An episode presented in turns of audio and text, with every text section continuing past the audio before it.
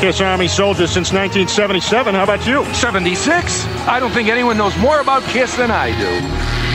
No, actually, I'm a plumber. I'm not sure I like the tone of your voice. Well, throw down if that's what you want. Name Gene Simmons' special effects mentor. Amazo the Magician. What high school did Paul Stanley go to? New York High School of Music. Paul and Gene's band before Kiss. Wicked Lester. What year did Kiss appear on the Jim Neighbors Halloween special? Quick question. It was Paul Lind and it was 1975. Now recite the magazine ad that brought Peter Chris to Paul and Gene's attention. Drummer willing to do anything to make it. Rolling Stone, October 1972. It's simple. Rock and roll.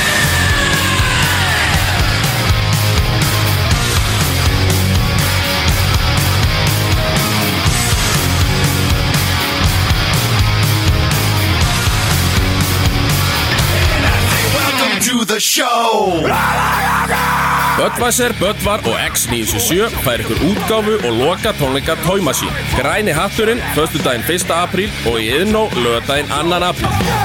Atvi, allra síðasti séns til að sjá þetta góðsagnakenda band á tónleikum. Þú vilt ekki missa þessu. Miðasala á heimasíðu Græna Hattsins og á tix.is. Böttvæsir, Böttvar, X977 og Tóimasín.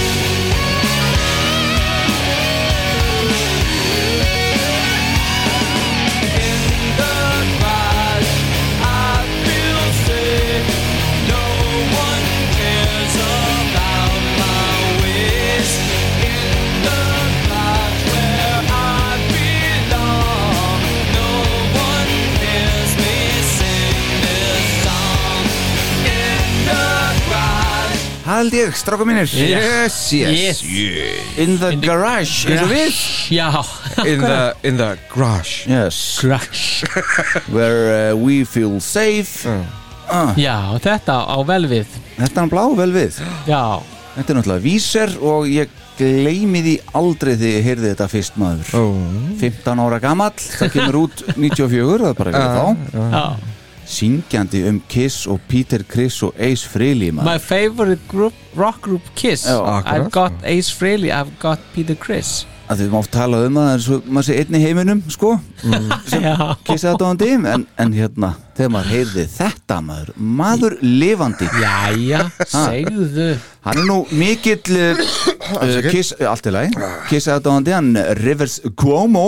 Cuomo, no. Yes, Any uh, relations? Uh, uh, nei, hann er bara söngurinn í víser Ah, og, ok. og hérna. Ekki Cuomo? Hérna. Já, þú meina það? Ah, Nei, yes. ekki að meina það. Nei, nei, nei. Herðu, svo misnúta ég þetta aðstofið mín hann í upphafi. Já, Já, ég tók það, eftir því. það mátti heyra það, já. Já, hendið einni auðlýsingu Já, Og var þetta heldur töf sko. Það ekki? Já, já. Mm. góð músik í henni. Mjög. Þið ætlið að mæta það ekki? Já, Annan april Allan daginn. Hinn frábæra dag. Já, já Já, mitt Það er bara sko Það er eftirparti fyrir útvalda. Nú, nú. Já, já, Já, já hvað þýðir það? Þið eru útvaldir. Nú, nú. Á samt fleirum. Þannig við höfum gaman að því.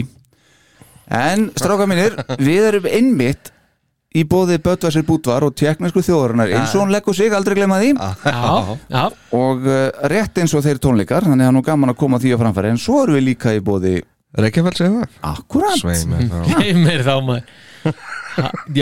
sveimir þá? Já, sveimir þá. Herðu, svo er það bara að kynna okkur hérna áfram, ég heiti Alli Hergersson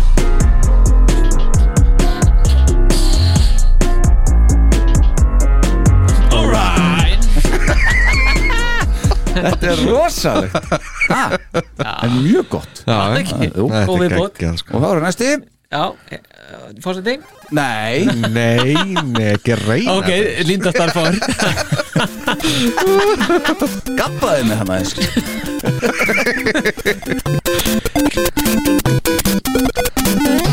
Og svo? Haldi ég. Starbáður í stuði í dag er ég. Alveg, aldrei verið betri. Aldrei Og svo verið er betri. það Heiðar Adel Jónsson Rappapapapa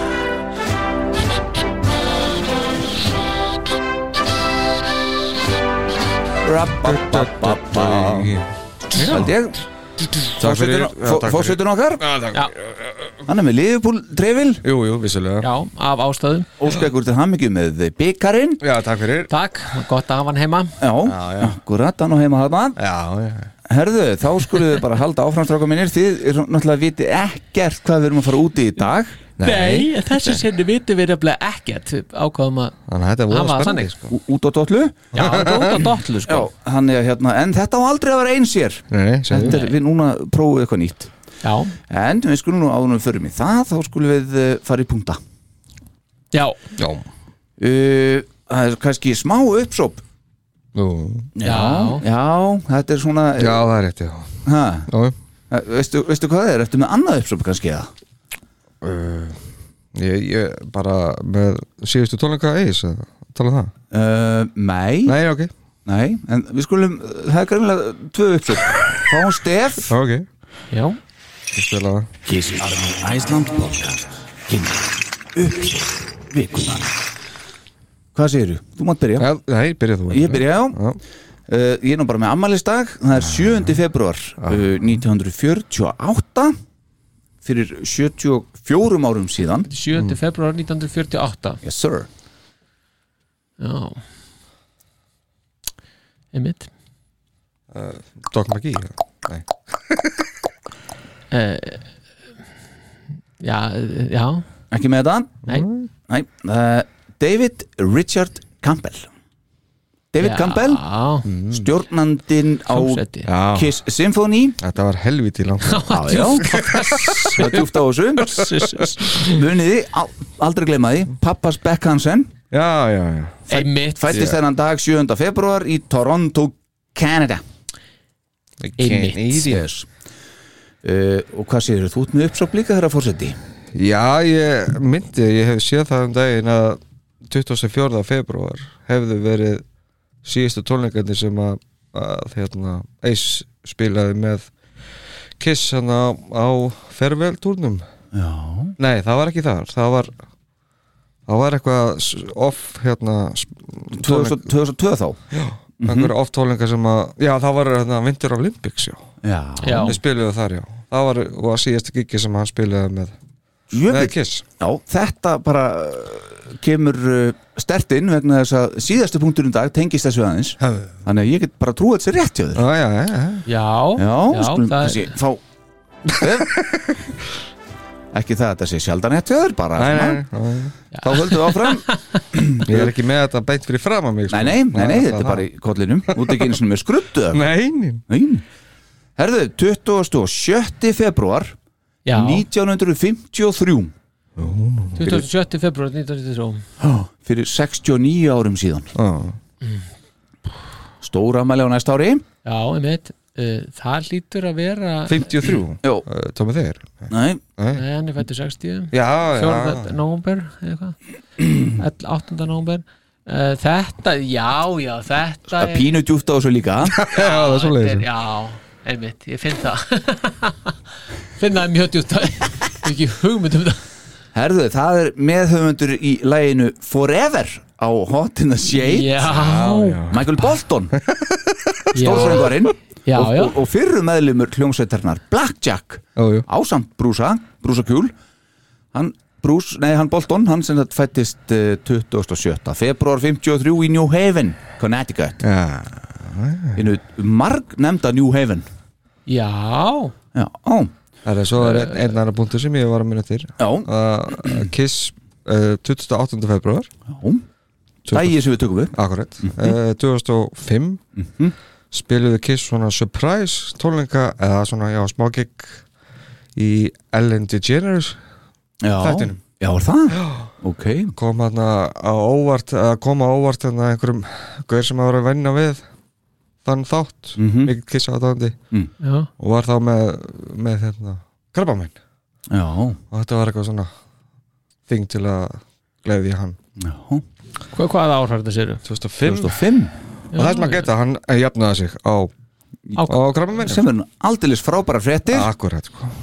Já, þá höldum við bara áfram á þessum degi 28. februar Já, nema 2013 já, fyrir nýja árum uh, Ástralíu leggurinn af Monster turnum hófst í Perth.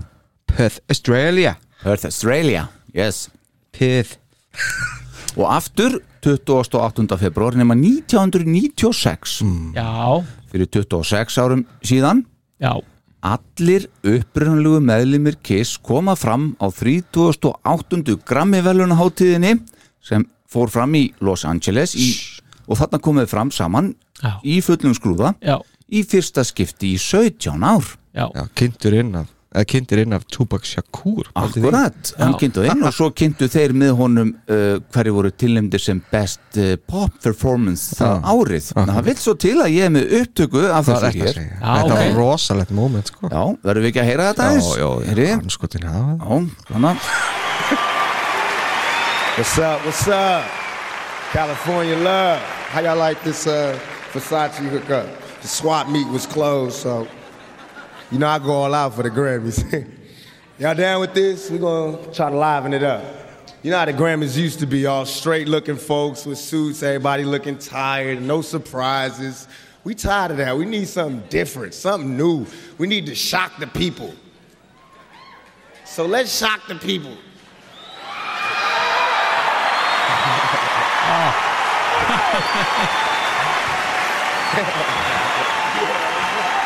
Yeah! Now, these my homeboys, and I seen just about everything now. Akkurat. Og þarna koma þeir bara fram eftir öll þessi ár, búin að vera að máta hérna heima hjá hvað Gini eða Póli eða hvað Gini á. já, já. Já, já Og það er bara, þú veist, þeir eru að Gini karakter, það er bara sem þeir hefðu aldrei hætt þessu. Nei, nei The magic's back Akkurat. Sáu þetta í, er þetta gerðist á sínum tíma? Nei, ekki live sko Í bytni, sko.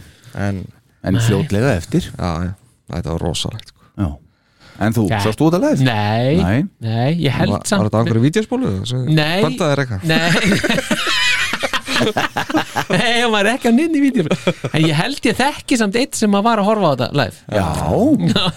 Það er vinu frænda mér Nei, nei, nei, hérna, Einar. já, Nei, nei, það er, það er samt ég, Mér minnir hann hafi einhvern tíðan sagt mér það Já. Ég er samt, þú er ekki að fara með það Nei. ekki gera það þá Nei, ég ætla ekki að gera það þá skulum við fara yfir í eh, 7. mars 2002 7. Ef- mars Ef ef ekki halda okkur 28 Er það? Já, já, hvað bara, er með? bara, bara einni viðbót Já, uh, Kiss tekur upp Symphony Live Einmitt í Melbourne, Ástralíu 28. februar já var það? Já, Já, já, það er með minn sko. Djöfullin maður. 2003 Hvernig óskopun var það ekki um sömarið? Nei, og þá man ég Þetta er náttúrulega erum sumar þar sko. Já, já, ég veit. Já, já, en það var ekki um sumari hér. Nei, En það var voðalegt að að missa þessu. Já, Ég ætlaði að fara. rétt að minnast á það. Já.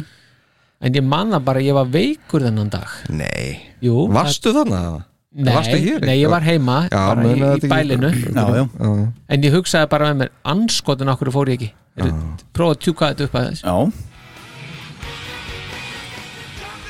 er, já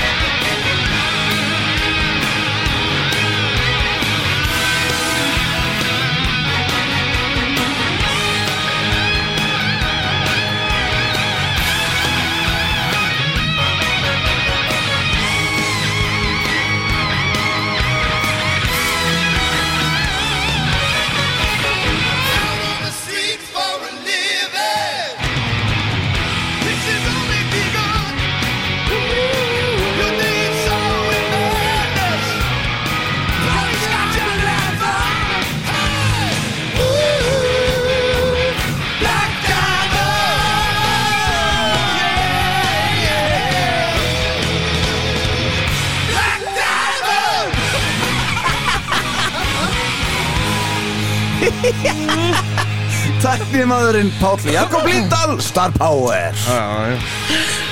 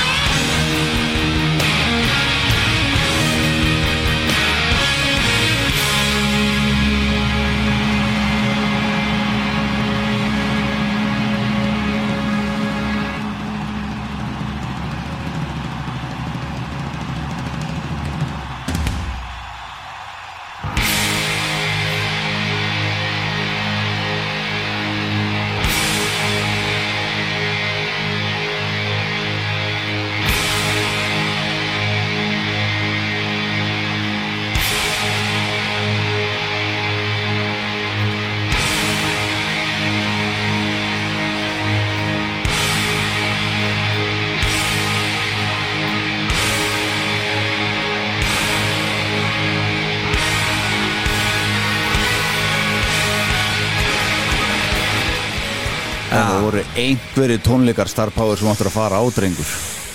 Shit, man. Sérðu, þetta hefði getið verið þú hérna sér það er rosald, ég er búin að fá svo mikið að gæsa og ég eiginlega get alla staðið uppréttur hérna. Nei, ég skal trúa því Þetta er rosalegt.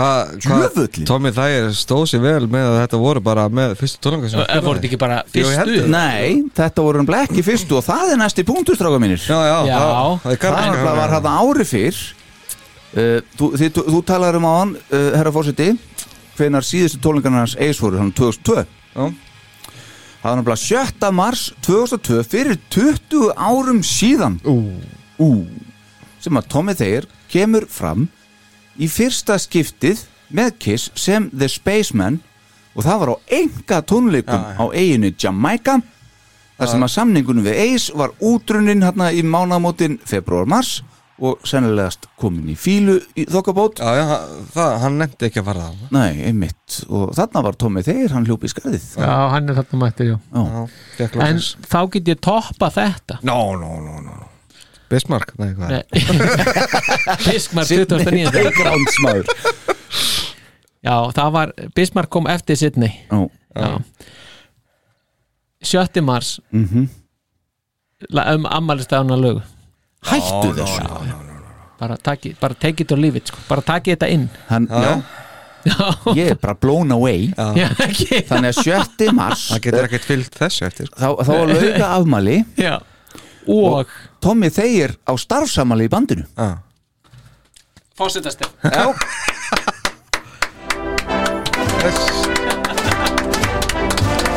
Þetta er ótrúlegt. Þetta er það. Alveg Sko, Veit hún af þessu? Nei, ég, nú er ég sem er mikla ekki Nei, hún er ekki hugmyndu um það Viltu ekki ringi hann? Jú, ég, ég er bara ekki með síma En hérna, annars myndi ég gera það. En hugsi ykkur, sko, þetta er, þetta er stórkostlegt sko.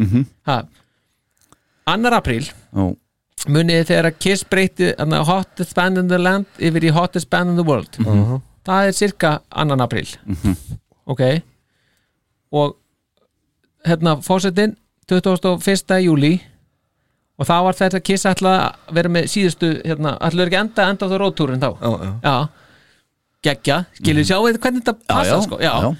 Og, og svo er ég að reyna að finna einhverja tengingu fyrir mig en Kiss spiluðu semst í annað skiptið Madison Square Garden 14. desember 77 Já. og nú er þetta sko 7. Veist, mars veist, þetta eru bara, sko, þetta bara stjörnurnar já, raðast svona upp já þetta eru ofbóðslega ofbóðslegt Já. og svo átti sýsti mín ámali þarna 8. februar og hinn sýsti mín átti annan april eins og einhver eru kannski búin að ná Já, já, en hvað gerist aftur 8. jan februar hérna, það var eitthvað sem við vorum að tala um hérna í Kiss þættinum live þætt kist þetta er mjög live þættinum hérna um daginn Já. um Kiss plötuna Já, Hva, hvað var, var það syng? Ó, Nei, hvað var það? Það var allavega eitthvað rosalegt Já, Já Ég bara man ekki hvað það var. Þetta er magnað. Já, getur Já, finnst ykkur þetta ekki magnað? Jú, þetta er það. Ha, Jú, Nothing to Lose singullin kom út þá. Já, var það, já, akkurat. Já, já. sem að fórsetið mætti með. Sem hann mætti með, alveg bara, já. Og þannig að nú þarf bara að brúa sko, hvernig er á freyti samali, hvernig er á ella amali og við, þetta er að para þetta saman. Já, hún er 22. apríl. Já, það var einmitt þegar að Ok, við þurfum að finna þá tengingu. Já, Herðu, já. Ok, þetta er, ó, þetta er djúlega frábært. Þetta er magnað. Ella er 18. jan, sko. Átandi jan þá er akkurat mánuður í fyrstu kislutur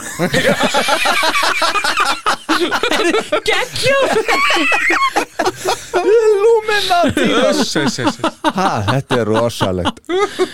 Herðu, já, já. Er nógum það. Já, nú um það, við að byrja þetta?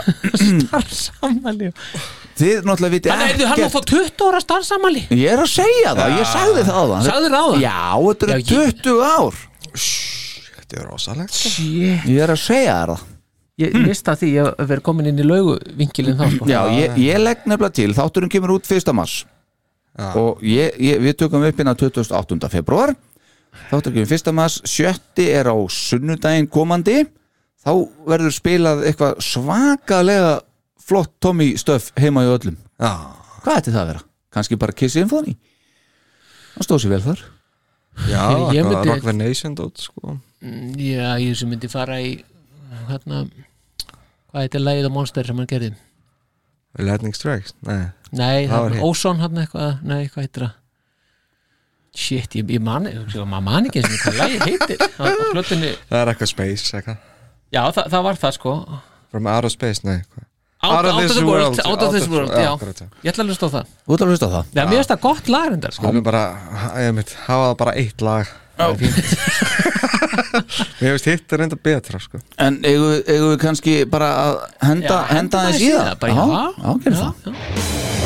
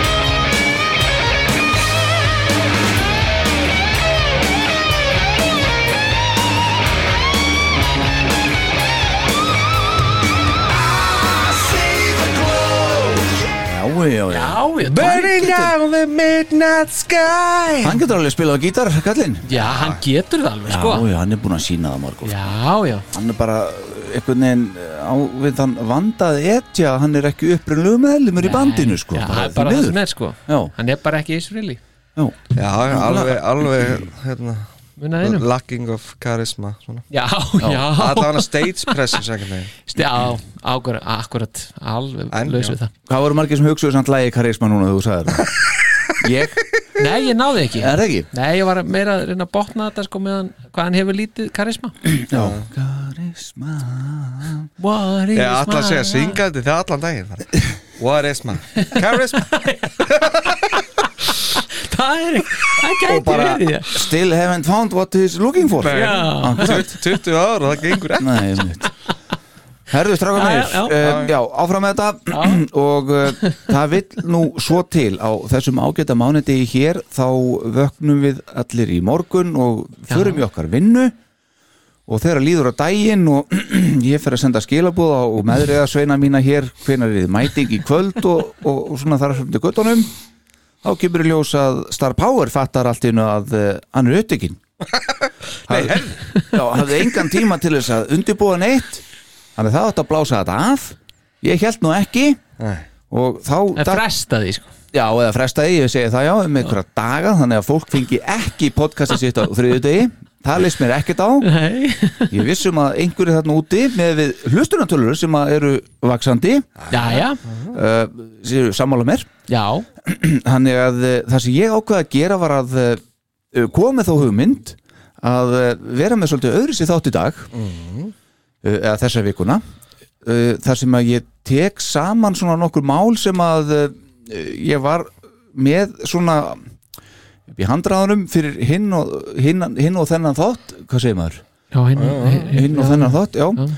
og setja þetta bara í eitt þátt. Ok.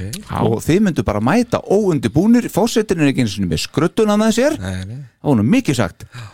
Þannig ég hendi í dag saman í eitt bakgrunn. Já. Bakgrunnur bakgrunnur Já, og svo eru við bara að tala um uh, opnar uh, Pallbárs umræð já, pallbós umræður svolítið svolítið sko. djöfull er það gaman. Er það ekki? jú, hann, ég elska þess Ef þú ekki bara farið í bakgrunn eða? Já jú, Já, gerum það. Eitt fyrir að byrja. Kiss Army Iceland podcast kynir Bakgrunnur. Kiss aðdáðundur vita manna best að hetjurnar þeirra eru besta rockljónsveiti jarðar og innvíksla þeirra inn í fræðarhöll rocksins árið 2014 var laungu tímabær. Að hugsa sér, í meira en 40 ár hafa Kiss leik, höfðu Kiss fyllt heilu leikvangana um allan heim og gefið út nokkrar af bestu og mest seldu plötum rocksögunar og samið mörg af klassískustu rocklugum allra tíma. Í ofanálag hefur tónlist þeirra og ímynd haft meiri áhrif og á fleiri tónlistarmenn og hljómsveitir heldur en hinn venjulegi Jón getur ímynda sér. Kiss aðdáðandur eru þeirra skoðunar að bandið eigi skilið dýpri og meiri viðkenningu frá fleirum en þeirra helstu aðdáðandum. Kiss Army er aðdáðandaklúpur sem stopnaður var af þeim félugum Bill Starkey og Jay Evans tveimur táningspiltum í smáborginni Terre Haute í Indiana fylki bandarækjana árið 1975. Það er heldur betur undu upp á sig höfðum en klúpurinn var stopnaður til að setja aukin þrýsting á lokal útvarpstöð sem neitaði að spila tónlist okkar manna. Áður en menn vissu af voru yfir 100.000 manns búinir að skrá sig í Kiss Army á sínum tíma og þeim fjölgaði fljótt og hefur gert æ síðan. En í dag er herin starfræktur í tögum landa viðsverum heiminn. Meðal annars hér á Íslandi. En hér á móti mér stendur einmitt forsetin sem stoltur setti Kiss Army Æsland á lakirnar hér á landi fyrir um áratug síðan. Og við kennum þetta hlaðvarp við með öðru eins stolti. Kiss Army er viðurkendur félagskapur af sjálfri hljómsveitinni Kiss og var það fyrirverandi umbóðsmaður sveitarinnar hann Bill O'Coin sem let svo hönnuð hljómsveitarinnar hannaði þetta logo svo við þekkjum svo vel í dag og gaf svo Kiss Army klúbnum logoið. Oft virðist sem þessi aðdáun fólks á Kiss og kannski sér í lægi með einmitt tilveru Kiss Army sínist að vera eins og einhvers konar sértróasöfnuður þar sem að meðlimir bandsins eru dyrkaður líkt og guðir. Er því eitt á kristaltæru. Fáar hljómsveitir, ef einhverjar, búa yfir jafn hollum aðdáðandahóp og Kiss. Samband hljómsveitarinnar við þessa aðdáðandur sína hefur alltaf verið gott og náið og er Kiss Cruise siglingarnar um Karabíska hafið klárlega ávöxtur þess. Þá eiga fjölmargir aðdáðandur það til að klæða sig upp og mála sig framann fyrir Kiss ráðstefnur og tónleika á meðan að utanakomandi fólk skilur lítið í því hversu mikilvæg hljómsvitin er fyrir þennan hóp. En Kiss er meir en hljómsvit. Kiss er lífstíll. Í þættinum í dag verður fram með Valdarón. Það er Forsetin og Star Power mæta hér óundirbúnir. Þetta gerum við til að staðin ekki. Við, við viljum britta upp á nýjungum í þessum þáttum. Þetta svo kallaða valdarán sem ég hef gaman að kalla verður framið af mér. Oft á því að til með að tala mikið og jafnvel stundum allt og mikið finnst mér og á því verður engin breytingi þetta skiptið er ég hrættur um. Húslestri er lokið. Nákvæmlega jafn langt á stefið. Þetta er ótrúlega Já, ég var að fíla það. Já, það má fíla það Já, uh, er þið til í það? Hver syngur í stefinu? Já, Já, bakrætina Já, já, einmitt. Ég veit ekki Ekki hugmynd. Það Young Monk In áður en við höldum aðeins áfram þá langum við að koma með smá update á uh, GoFundMe söfnuninni með hann Big John sem Já. ég kom inn á hana? Já, átt að safna það munið 15.000 dólarum hún er konum í 4.995 Núna? já. Það er bara gengur ítla Maður það bara að fara að taka upp tjekk eftir bara? Já, ég held það. Maður gera það, Koma kallinum hann í hún í hólu já, einmitt. Uh, Rosalegt. Já, þetta er ömulegt, ég verður að segja alveg um sér uh, og svo var það hérna eitthvað eitt enni viðbútt sem ég var með hérna maður. Hvað var það?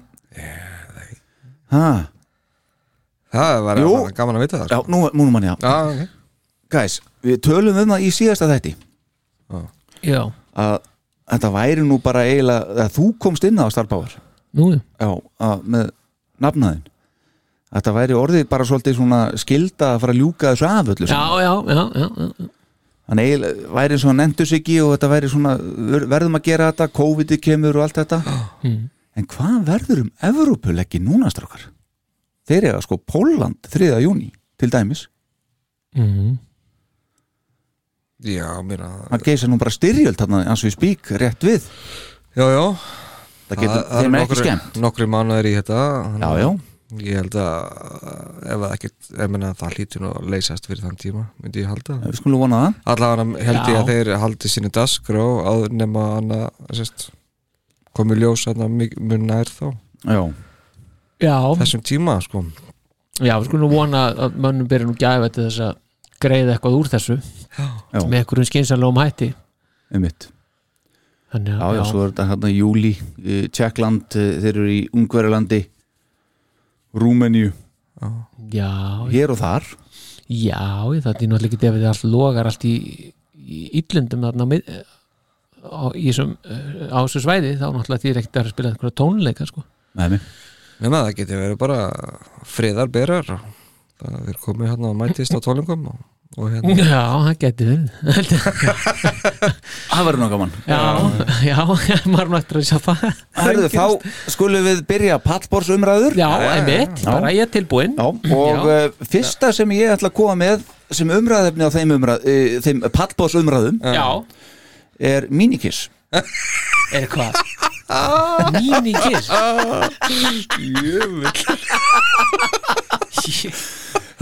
Fórseti kemur sko alls ekki að fjöllum hann að sé ég En kemur þú að fjöllum?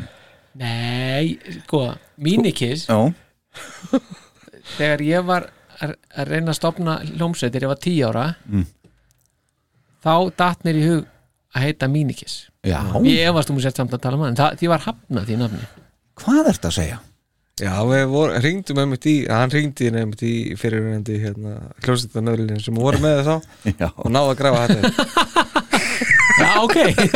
En ég ætla að byggja ykkur um að örvænta ekki. Ég er ekki með langan lestur sko. Ok, ok. En mér langar samt að lesa þetta fyrir ykkur Já. Já, Kiss coverhljónsutin Minikiss var stopnuð í New York árið 1996 Hún samanstendur af fjórum dvergum sem allir eiga það sameilegt að elska hljómsveitina Kiss Forsprakki sveitarinnar Joey Fatale, Mini Jean sem var einn af stopnendum hennar lést reyndar úr hjartáfalli í ágúst 2011 en þá kom aðeins maður í manns stað og bandið er enn starfandi í dag og spila á venjum sem taka frá 100 til 1000 manns hverju sinni.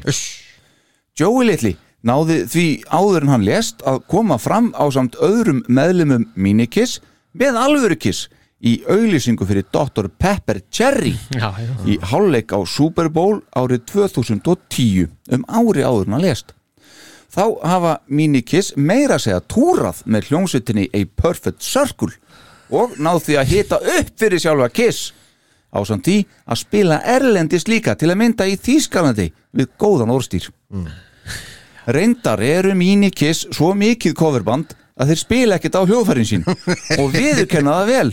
En þeir taka það fram að þeir syngja sjálfu lögin. Já, já. og allt er þetta gert upp á skemmtunina og sjóið. Þessum Þá- Eurovision bara. Já, ég minn nákvæmlega. Það er nú allir sjóð þar. Já, heldur betur. Þá hafa Minikiss uh, komið fram í nokkrum sjómanstáttum og bíómyndum. Og má þar nefna sem dæmi Gene Simmons, Family Jewels og kvikmyndinni Mall Cop 2 með Kevin James í aðalhutverki Akkurat. Og þá held ég að sé bara ansi gott að uh, við heyrum aðeins uh, um þetta ágætaband Ó, þetta er, uh, þetta er kannski tvær mínútur eða eitthvað Já, já, en ég held að sé alveg nöðselt fyrir að hlusta á þetta. Já, held ég líka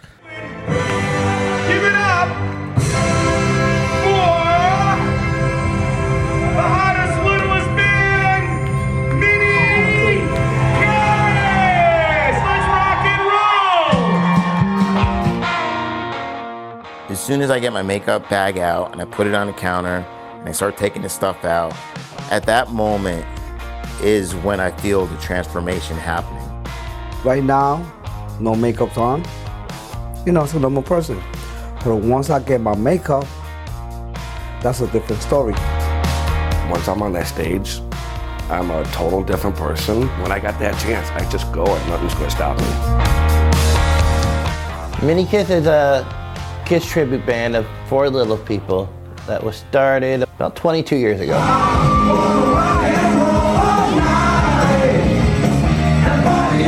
Performing with Mini Kiss is like a different personality. You go from uh, ordinary dad, you know, kids at home, to being this rock star. I like it back there, but I love it up here. How you guys doing, all right?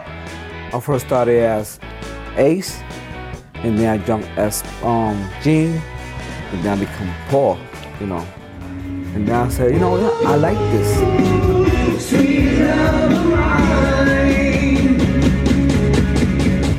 When I'm home, I'm dad.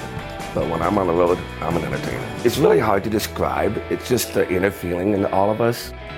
It, it just, when you get the feedback, it's a high.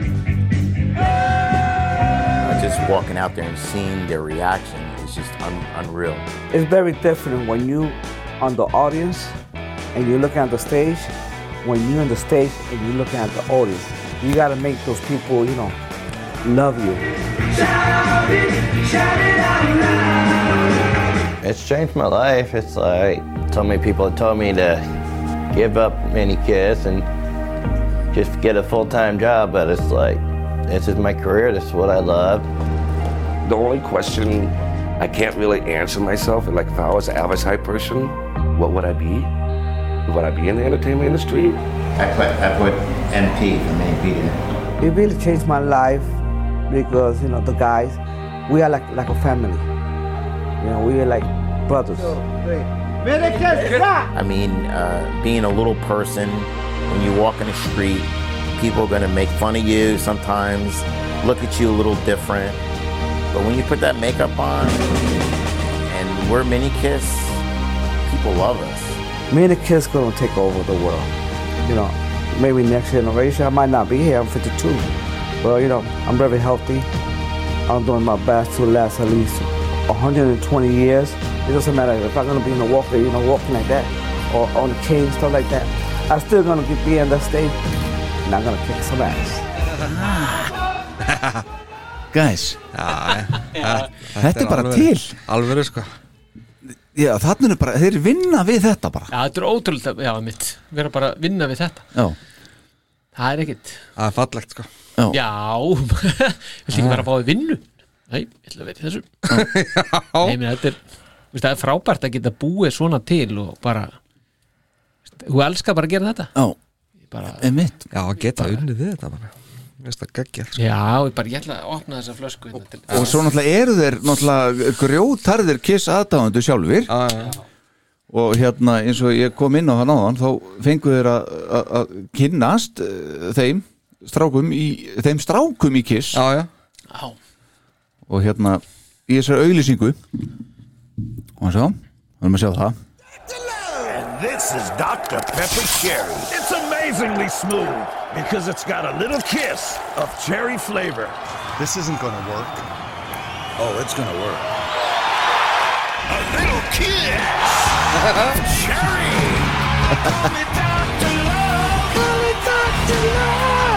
You can't beat a little kiss. Trust me, I'm a doctor. Þetta er alveg Hafið þið smakkað þetta cherry? Þetta er náttúrulega viðbjóður sko. Þetta er viðbjóður. Já, Já, ég myndi þetta svo- huga að smakka þetta eins og og flest allt saman Pepsi. Já, með það.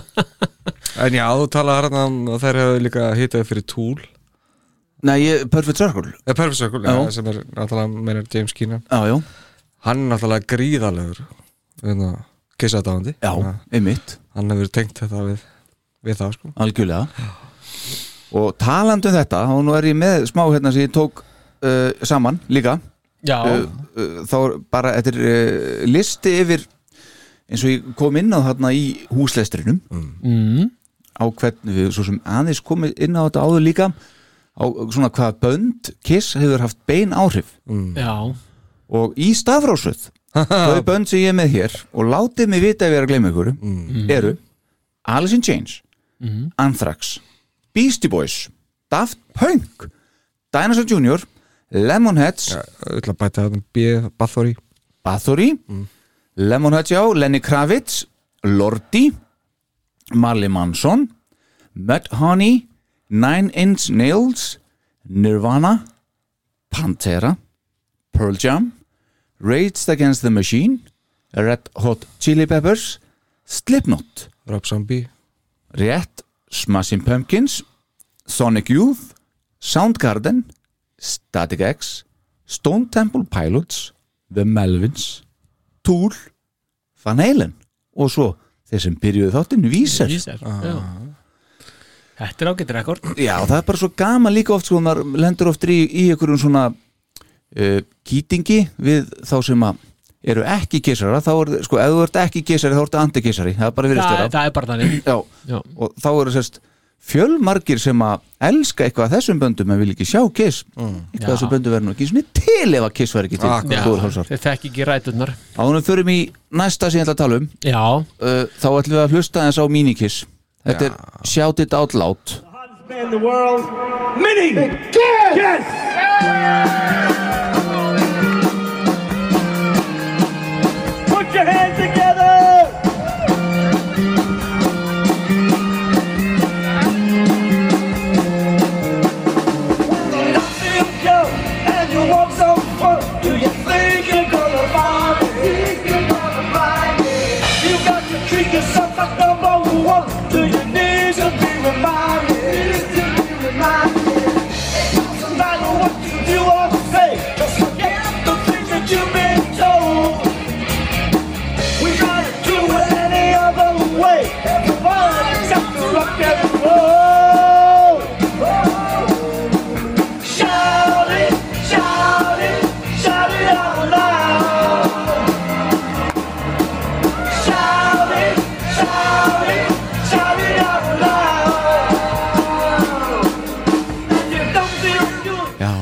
Þeir eru ekki svona að reyna að þykja spila á Nei, hljóðfæri, þeir bara halda á gítarinn og svo eru þeir með þrjá gítara, engan bassa. Ekki bassi sko já eftir því og það kemur ekki eins og snúra á gítarinn ekkert það, en það líka sá ég viðtal við þá sem þeir eru bara sko, eða sko við spilum ekkert á hljóðfæri, þeir eru ekkert að reyna að leina því sko, þetta er bara, bara að hafa gaman. Það er að reyna svona að sýnast sko. Já, og ekki aldrei gleyma því stráka, þeir vinnaði þetta, það er bara dásanlegt þetta er bara spurning um að skapa sér einhverja atvinnu. Já, akkurat, og ég legg til að uh, hlustendur fari eftir þáttinn og setji mínikis inn á, inn á uh, YouTube og finni þetta. Já þetta er, þetta er frábært sko. Þetta er þannig blað. Uh, Herðu, þá er komið að uh, lið Já. sem að heitir Kiss Feelingurinn As We Speak. Já. Og það er, að, það er svolítið lítið að tónlisti þetta með okkur í dag. Já. Við borgum stæfgjöld Já. Við skulum nýta þetta. Já, Einmitt. Og ég ætla að leifa fórsetunum að byrja. Já Og þá að þú að koma með kisslag Hvernig er stemmingin hjá fórsetunum núna? Hvað langar að heyra? Mér langar að heyra Making Love. Þið langar að heyra Making Love. Ah, Það er svo gott sko. Skulum bara já. Förum við það, Eh, rock'n'roll over. já. gerum það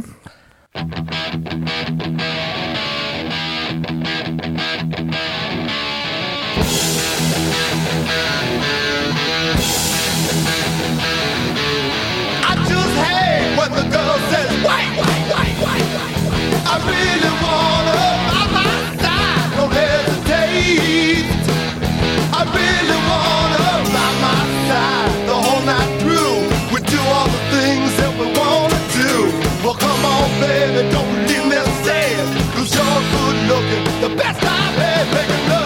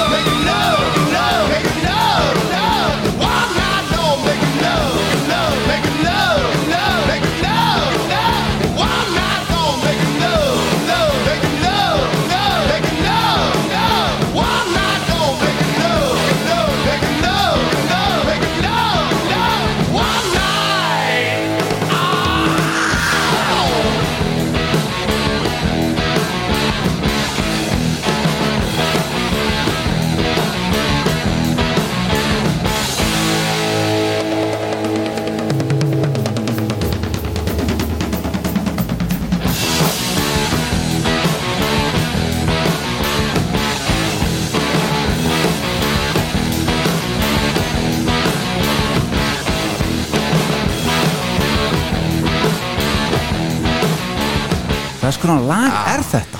Snill Ógislega gott lag. Ógislega gott lag maður. Svona líður fórsetunum As We Speak. Making Love Gamli.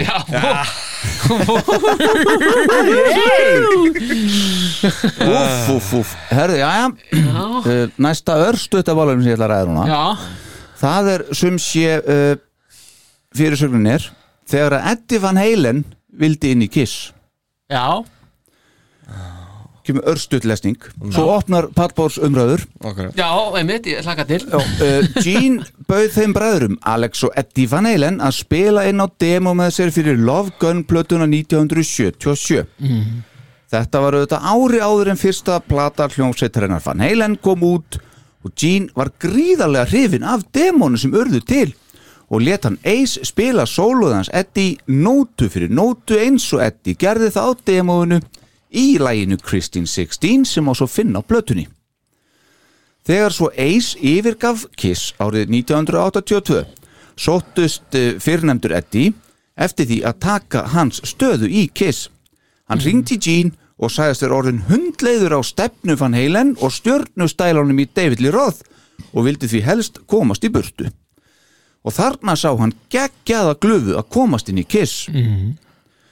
Gene talaði hann að þessari vitleysu og sagði hann um að býta bara á jakslinn. Van Halen væri bandið sem hann ætti heima í og þá væri nafnið Eddie Van Halen allt of stort nafn fyrir nýjan gítarleikara Kiss og myndi hann skikja allt og mikið á þó Gene og Paul. en almáttuðu strákar, hvernig hefði Kiss Story skrifast með Eddie um borð? Hvernig hefði til að mynda 80s tíðanbilið orðið? Tja, við hefðum ekki fengið likit upp eins og hún varð allavega en hvað hefði komið í staðin og hvað hefði komið í framaldi og svo í staðin fyrir Asylum, Crazy Nights og Hot in the Shade já, maður spyr sig. Já, hvað segir mér um þetta mál? vá, ég Ég sé þetta einhvern veginn alls ekki fyrir mér sko. Ekkert frekar en Gene Nei, Nei. Ég held að Gene sé alveg með þetta bara spot on sko hann bæði honum hann frá sko Já. þetta, ég held, ég hef þess að kissaði bara sprungið sko. Þarna- að hvaða leiti? Nei, bara þetta, það er bara verið svo mikil, mikil hérna, nafni hefði bara ekki meikað þetta sko. nei, nei. Ég held ekki, ég held ekki geta fengið svona stóra stjörnu hérna inn.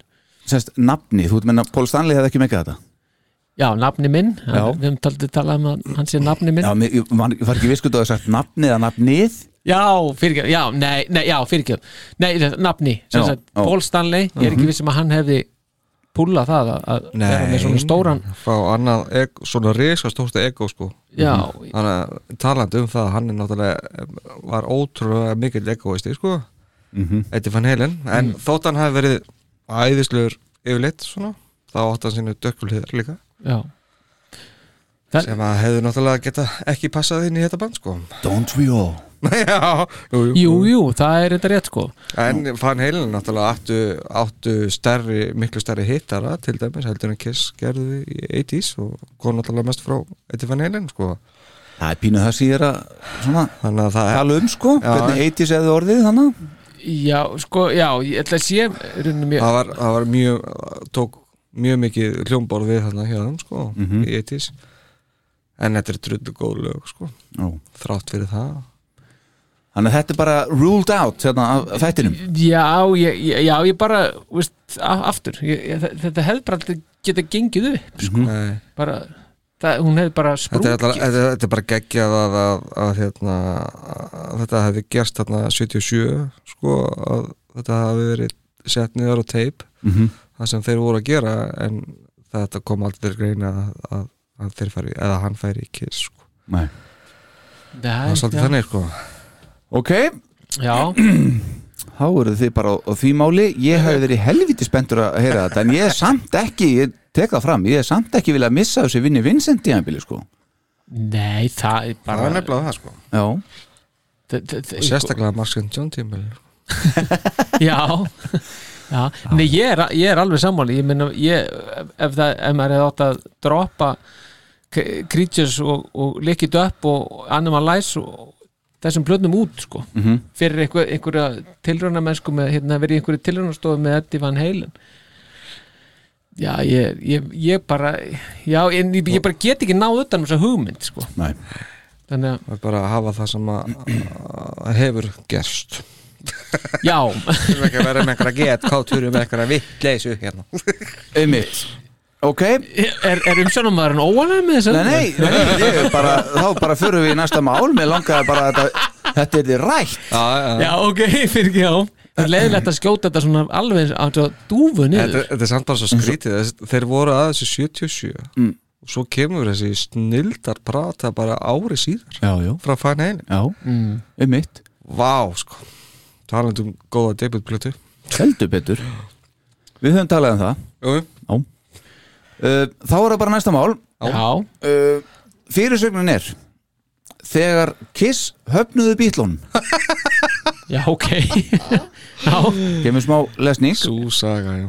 Þegar að bítlarnir voru að undirbúa myndina Sgt. Pepper's Lonely Hearts Club Band sem kom svo út árið 1978 buðu þeir Kiss hlutverk The Future Villain Band í myndinni Allir vita nú dálæti meðlima Kiss á sjálfum bítlónum og ætla má að okkar menn hefðu stokkið á þetta risavaksna tækifæri. En nei, Kiss höfnuðu bítlónum. Það var svo hljómsveitin Aerosmith sem fekk uh, hlutverkið og sennilega naga Kiss sig ennþá í handabökin fyrir að hafa gefið þetta frá sér. En þeir töldu þetta að, þetta, að þetta kynna skada ímynd bandsins út á við, það er að koma fram í myndinni sem vondukallanir.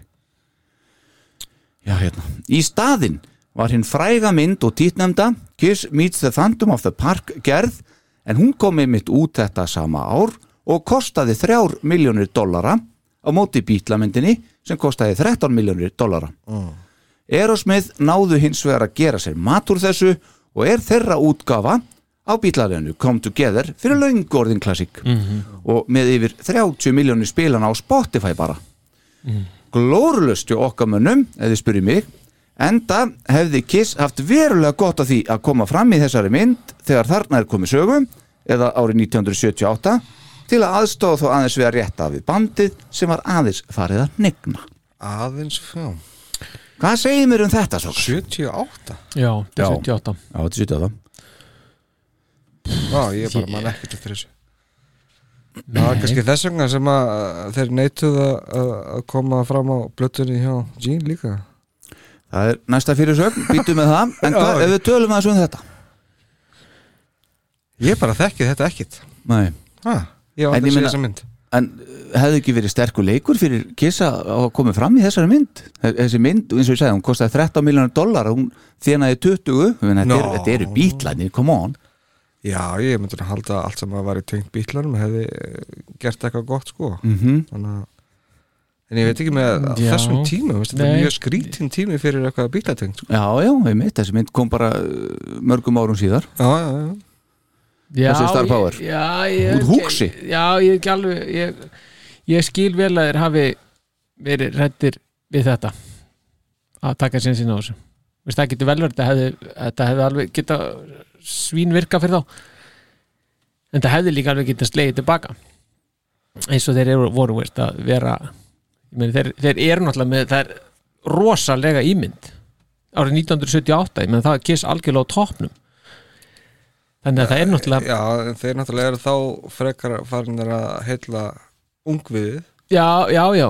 En, Þannig að það geti hafa verið einhver ástæði fyrir því að þeir vildi ekki vera vondabandið í þessari mynd eða? já, ég meina og frekar ofurhetjur í já, The meina Phantom? Já, já, Já, ég meina þeir eru það. Veist, Mhm. þeir, þeir eru ofur hérna, þeir eru kiss er ekkit þeir eru náttúrulega bara allur bóðskapur kiss hann snýst náttúrulega bara um að njóta lífsins og hafa gaman og eitthvað svo veist já, sjálf hvetjandi svona. Já, já, svona, þannig að sko það væri alveg í andstöðu við ímyndina og bara bóðskapin þeirra að, að gera sig að vondugæðan og auðvitað náttúrulega þegar þeir gera þetta þetta hann að bara bera dót þarna með, sem endar í Phantom of the Park. Mhm. Ég meina þeir hafa náttúrulega haft kannski eitthvað, menn hafa kannski haft einhverjar aðeins meiri hugmyndir heldur en að það sem útkoman varð sko. Já, já, Já, ég sá það Og- nú bara, var ekki gerðið fyrir þetta? Paul Stanley, hann er Hollywood Reporter. hann er búin að loksins búin að sætta sig við þessa mynd. Já, já, Já, já, ég, mitt, ég Ah. sá það líka, ég, ég náði ekki að lesa það. En, en, en hva, hvaða nákvæm, ég meina Vist, þetta er náttúrulega handónið mynd. Þetta er náttúrulega algjört flopp hjá þeim sko. En það hefði ekki verið geggjað að hafa það á rekordin í dag hafa verið í jú, bílamynd jú, það hefði verið geggjart á, á rekordinu Vist, núna. fyrir Kiss, það Já. gerir ekkert fyrir Aerosmith í dag. Nei, en það hefði verið geggjað að hafa þetta á rekordinu en það er sko en það vitum við núna sko. Og það hafa neita því að að hafa vinna með veist, góðunum þeirra. Í mitt Já, en aftur Það er ótrúlegt Mér finnst það ótrúlegt. Já, Þeir eru að fara að gera sólóplötunar þarna 78 út af hverju? Vegna þess það er aðeins fara að liðast þannig sundur sko, við vitum það. Hefði þetta ekki verið tilvalið að koma fram í þessari mynd?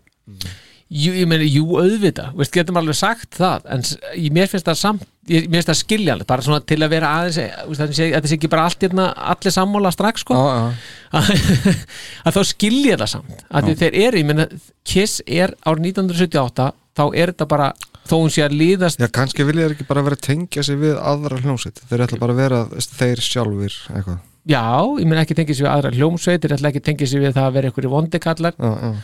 Hann er samt er dímon sko Já, en hann er samt ekki vondur. Nei, sko, hann er- hann er- en, en, en, og, og, Ofurhetju tímon sko. Kiss er þarna á toppi ferilsins. Mhm. Veistu, þó þeir sé að liðast þarna innan frá sé þetta allt í við þá er hann samt, þetta, þetta er stærsta hljómsveitin sko. Og stærsta hljómsveitin fer ekki á hún bara, já, ég ætla að að binda mér hérna við aðra hljómsveit sem að er Já, veist, þetta er ekki einhver önnur hljómsveit þetta eru bítlanir og þess þá heldur löngu hætti mitt sko, menn come on Já, þeir eru nefnilega löngu hættir. Þeir þeir, en, þú, en þú ert á topnum en þetta er hljómsveit sem er hægt Vist, Við vitum það núna hvernig, þetta hefur, hvernig sagan hefur skrifast. Já. en vissum við það 1978 Nei, nei, vissið enginn. Þannig, að- þannig að ég skil það vel en ég skil alveg líka ykkar veist, þetta sjónar með auðvitað náttúrulega bara Hvaða lag, hefði, dauðafæri, hvaða lag, ef að Kiss hefði nú gert þetta hvaða lag hefði hendað þeim, bara kom þú geður það Nei. heldur skellt er eitthvað. Já. Ég, ég, ég, pff, ég veit ekki. Hvað? það fyrir eftir hver hefði fengi, fengið að ráða. Peter syng, syng. Já, rætt, Peter hefði fengið að syngja. Yesterday Aldrei. Ace hefði sungið það. Fyrir, fyrir næstu fyrir sögn á skulum við heyra smá hljótaðni þetta er Aerosmith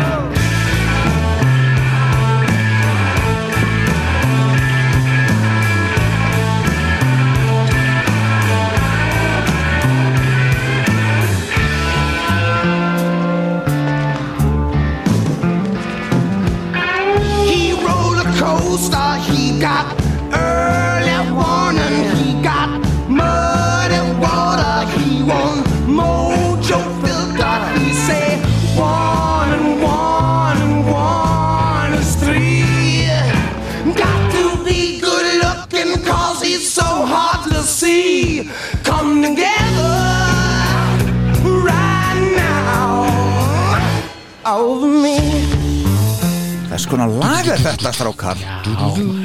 Þau er Gibbons hana Gekkjaður Herðu, ok Já, og þá er hann er hann góðu söngveri þetta anskotalt maður. Tyler? Já, ógæðslega góður maður. Já, hann sleppur, Hann, hann er að bara lítið þokkalega vel út af hann með þessu líka sko. Já, já. Herðu, þá skulle vera næsta headline. Já.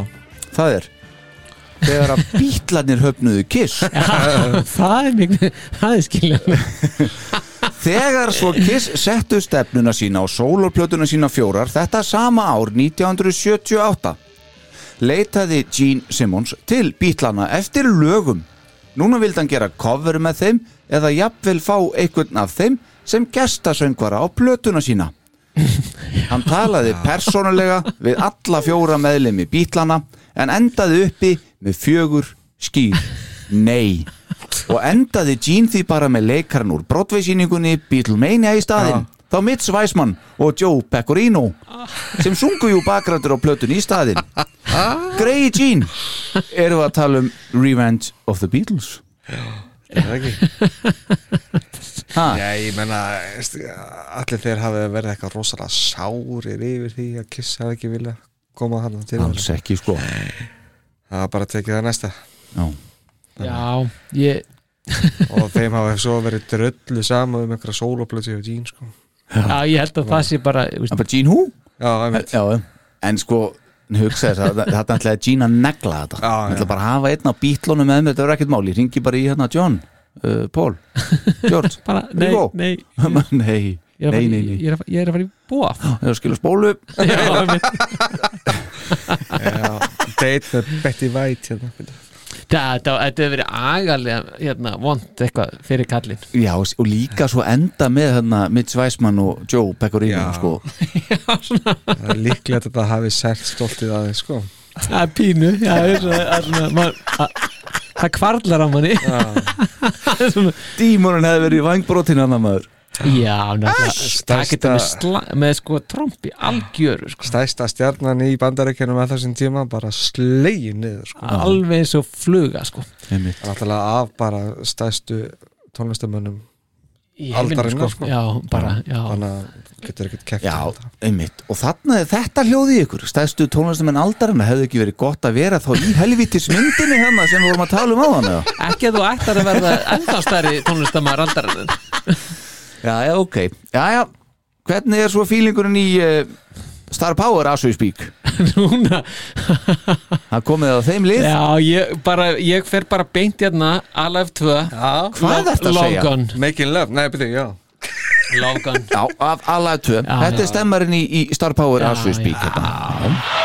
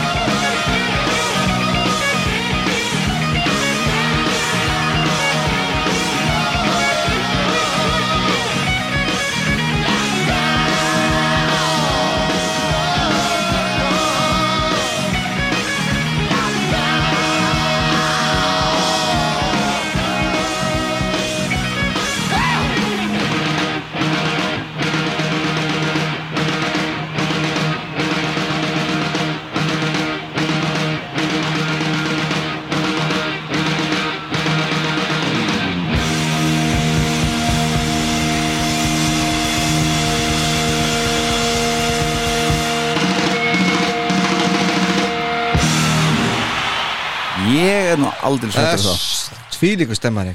Tvílíku stemmari. Og uh, fílingurinn hjá Star Power núna er Love Gun. Það er Making Love a Love Gun. Já. Jöfnveld Já, er þið bara- dónalegir í kvöld. Það bara Þú, varð að lítur, koma þú hérna. verður að koma með þá Love is like a slap in the face. Sturtulegir Já, Já, einmitt. Sábulagið Já, já, já, það. Já, Já, ég stráka mínir. Þá er komið að uh, öðrum lið. Yes. Og uh, þetta er eitthvað sem að ég samdi ekki. Nú, já. Þetta er uh, af uh, internetinu góða. Já, Og þetta fann ég sem sagt þar. Og þetta, ég reyndar íslenska þetta. Ok. Og uh, hérna, þetta er sem sagt tíu hlutir mm. uh, um Kiss sem aðeins grjót harðir Kiss aðdáðandur skilja. Ah. Ok og Er þetta, er þetta eitthvað svona quiz eða? Nei, nei, þetta er ekkert quiz og þetta er bara, þetta eru aftur opnar pallbórsumræður Ah, og þetta, ég ætla semst að uh, koma með tíu fulleringar ok. sem samkvæmt þessari síðu uh, eru aðeins uh, hlutir sem að grjótarir kissa aðdöndur skilja. Já. Og þátturinn ætlar að leggja mat á það hvað hva, uh, mörgum punktum við erum sammála. Ok. Og opnar umræður um þessa punkta. Ok. Og ég segi punktin fyrst og svo er örlítil ofbóðslega stutt klaus á umkvæmt punkt. Það verður að vera smá svona aðeins kjöta á sig Ah, Smá, já. Ok. Þetta er ekkert í sérstakri röð. Nei, nei. Númer tíu. Mm. Það er kiss með stórum stöfum. Ekki stórt K og lítið I og lítil S. Nei, nei. Allir sannir kissaðdöðandur vita að nafnið er ávalt skrifað með hástöðum eingöngu Ekki er alveg ljóst fyrir hvað nafni stendur. Er það tilvísun í Keep it simple stupid? Eða Knights in Satan's Service? Eða jafnvel Kids in Satan's Service? Eða er það í raun einhver skamstuðin yfir höfuð? Ekki sé Jean og ég held reyndar ekki. Allir aðdáðandur ættu að stafa það eins og hljómsveitin ætlaði sér. Og hvernig lókuð sýnir það? Hvað segir mér um þetta? Já, þetta er náttúrulega bara Þetta, er lóðbeint sko. Algjört sko algjört geilirði Þegar maður skrifa kiss Þú verður að hafa stóra stafi Já, já. Það er bara, annað bara gengur ekki upp sko. Ég, sko, ég hef brjálaður ef einhver, einhver skrifa kiss öðru sér sko. Já, já, með, með stóru kái og, og litlum Já. Það bara Einhvern tíðan nefndi þú starfbáður með lit, litlum setum Já, það, sko, ég maður bara, maður tapa sér ha- sko, Það þetta reyna að vera eitthvað öðruvísi og segja eitthvað annað en S-in sko setjum hérna tvær setur Já, það er al, bara í þvílík það, sko, það er bara ég, það, Þannig að- ég, ég fæ bara alveg ég, ég fæ alveg bara Grænar, sko. Já, Brjálaður já og og svo, all, allir þeir sem taka, bara taka það til sín sko. allir þeir sem ætla að skrifa kiss á kissíðun okkar alltaf með hástöfum Djöfalli að vona ég hef alltaf gert það með hástöðum og alltaf með sem sagt, bara S-um venjulegum já, já. en svo er þetta með þetta, þetta tilvísna hvað þetta þýði það er eitthvað sem bara Ah, búið þú veist, til sko. maður bara, þú veist, bara fuck Já. it, sko Já, já. þetta, þetta er bara Þátturinn er sammála þessari Já, allan tíman Þá er það níundi punktur um tíu hluti sem að aðeins grjótarðir kiss aðdöndur skilja. Það er nöðsynlegt að eiga einhvern óþarfa kissvarning sem er reyndar alls ekkert óþarfur. Flestir kiss aðdándur eiga eitthvert af nöðsynlegum kissvarningi allt frá einföldum stuttarmabólum til einhverja hatta eða sjálfgæfar vínilblötur plástra eða belíkistu á einnig nefna peskalla litlar kissfígurur nestis, nestisboks, jú eða jú. já, já, hvað segir með þetta? já, þetta er þetta er alveg nöðsynlegt fyrir Þetta mig er allan algjört skilirði það er að eiga sko í minnstakosti einn freaking kissból sko. Ég meina, halló. Ég meina það er að minnsta sem þú getur. Það þýðir ekki að koma einhvern bolla og segjast þér að kissa. Það, er tekið, þú veist, það verður, að vera, það verður að vera eitthvað meira substans í því. Já, ekki peskallin en eitt hann sko. Nei, ok. Þannig, þú veist, við erum sammála, þátturinn er sammála um það. Verður að eiga eitthvað svona. Hvað hva gefur þetta ykkur að eiga eitthvað svona? Þú veist, hvað, bara stoltið maður. Já, já, sko þú sagðir ekkert um að þetta veri lífstíl Mhm. það er það er bara okkur að þannig, þetta er lífstíl kiss er já, þetta er partur á lífinu sko. Já, og mér finnst einhvern veginn Æ, mér, mér finnst einhver svona ég, það, það er eitthvað að vera í kissból af því að það er bara annarkvort elskaru eða hataru kiss. Mhm. og það er svo gaman að einhvern veginn Nú að þessum nasir Já. Við þá sem eru ekki Já, það er gaman. En það er líka gaman bara einhvern veginn að sprengja upp sko einhverjar svona uh, sko, sko einhver, einhverja situasjón Mhm.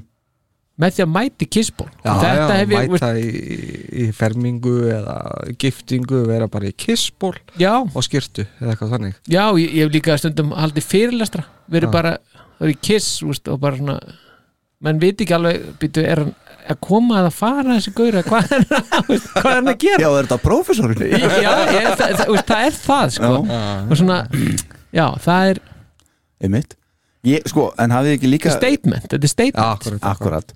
En svo þekkjum við hérna kisa aðdándunum svo vel svona líka Ég hef talað við menn bara út í bónus sko, bara geggjaðu bólur já, já, já. En ég segi þetta ekki ef að mennur í ykkur öðru sín fíla sko, með að pantera eða eitthvað skilur Nei, við, nei, veist, nei. á mér er alveg sama Já. en þarna verði ég, bara ég verð að segja eitthvað Já, Já, já, bara hvers skipti sem að maður sér kissból í sjóarpinu eða eitthvað svo leiðis Já, jú og bara uh, eins og þarna rótarinn hjá Helga Björns löngum búin að spotta það náttúrulega. Eða bara sér það í einhverju mynd eða Einmitt. eitthvað, þá er það bara automatikli orðin bara besta mynd sem maður hefur séð. Sko. og, þetta er besta manneski heim Já, já, það bara liggur í augum uppi sko. þetta er svona, þetta er svona ætt maður einhvern veginn, já, þetta er svona eins og einhver, maður hefur kynst einhverjum svona ættingi. Ég man sérstaklega eftir þegar, hérna, þegar Hulda Geirs var í útsvarinu var í mætti kissból þá þekkti hann ekki neitt. Bara, Var í Kiss Army bólum já, já, og, já, Já, hún var í eða ekki? Jú, jú, einhver svoleiðis. já. ég bara djöfullir það, ég bara, ég þá held ég bara strax með þeim sko. Já, já, já. það er bara þannig. Já, þá Keflavík. Já, hefði, bara alveg beint sko. bara sagði mér í keflaug, ég held með keflaug maður verður líka átt að segja á því sko. það er líka fólk sem að fer í, er í þessu eða fer í svona kissbóli sem einhverja tísku kreðsu sko. mm. já, og vita ekkert um menn, já, já. já, þeim er að skammast sín, já, akkurat, það er bara það, er hórbjóður að horfa upp á það sko. Hórbjóður Já. it, algjörlega. it lies in the eyes upstairs yes. ok, þá er það bara uh, punktur átta að dauða sem æsöfstir já, já, einmitt. Punktur átta yfir tíu hluti sem að aðeins grjótarðir kiss aðdándur skilja.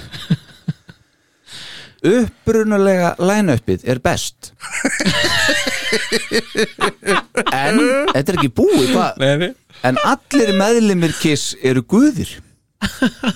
Margir aðdáðandur mistu áhugan á kiss á tímabilunum Án Ace Frehley og eða Peter Criss og það er skiljanlegt upprunalega line-upið færði okkur sennilega líka bestu lögin en sannir kiss aðdáðandur hafa haldið sig við bandið í gegnum súrt og sætt Tommy Thayer og Erik Singer hafa kannski ekki sama sjarma og margir forvera sínir en þeir rokka feitt á tónleikum og hjálpa til við að halda bandinu okkar gangandi. Því eigum við að virða alla þá sem skipa hafa sess í bandinu. Þó að Paul hafi sennilega rétt fyrir sér þegar hann segir að bandið hafi aldrei orðið til án Peter og Ace þá væri það heldur ekki til í dag með þá Peter og Ace innanbúrs. þetta er svo dásaleg setning hjá hann. Hvað segir þið um þessa fulleringu? já, já, þetta er bara svona Ó. ég Já, myndi kannski ekki segja manni finnst þetta allir guðir það er nú, Nei, ekki, nei, er nú kannski einum of en bara það sem Pól segir veist, ef við hefðum ekki eins og, nei hérna, hérna Tommy og Erik þá væri ekkit kiss sko. Mhm. þannig að Þa, maður það væru bara einhverja aðrir sko.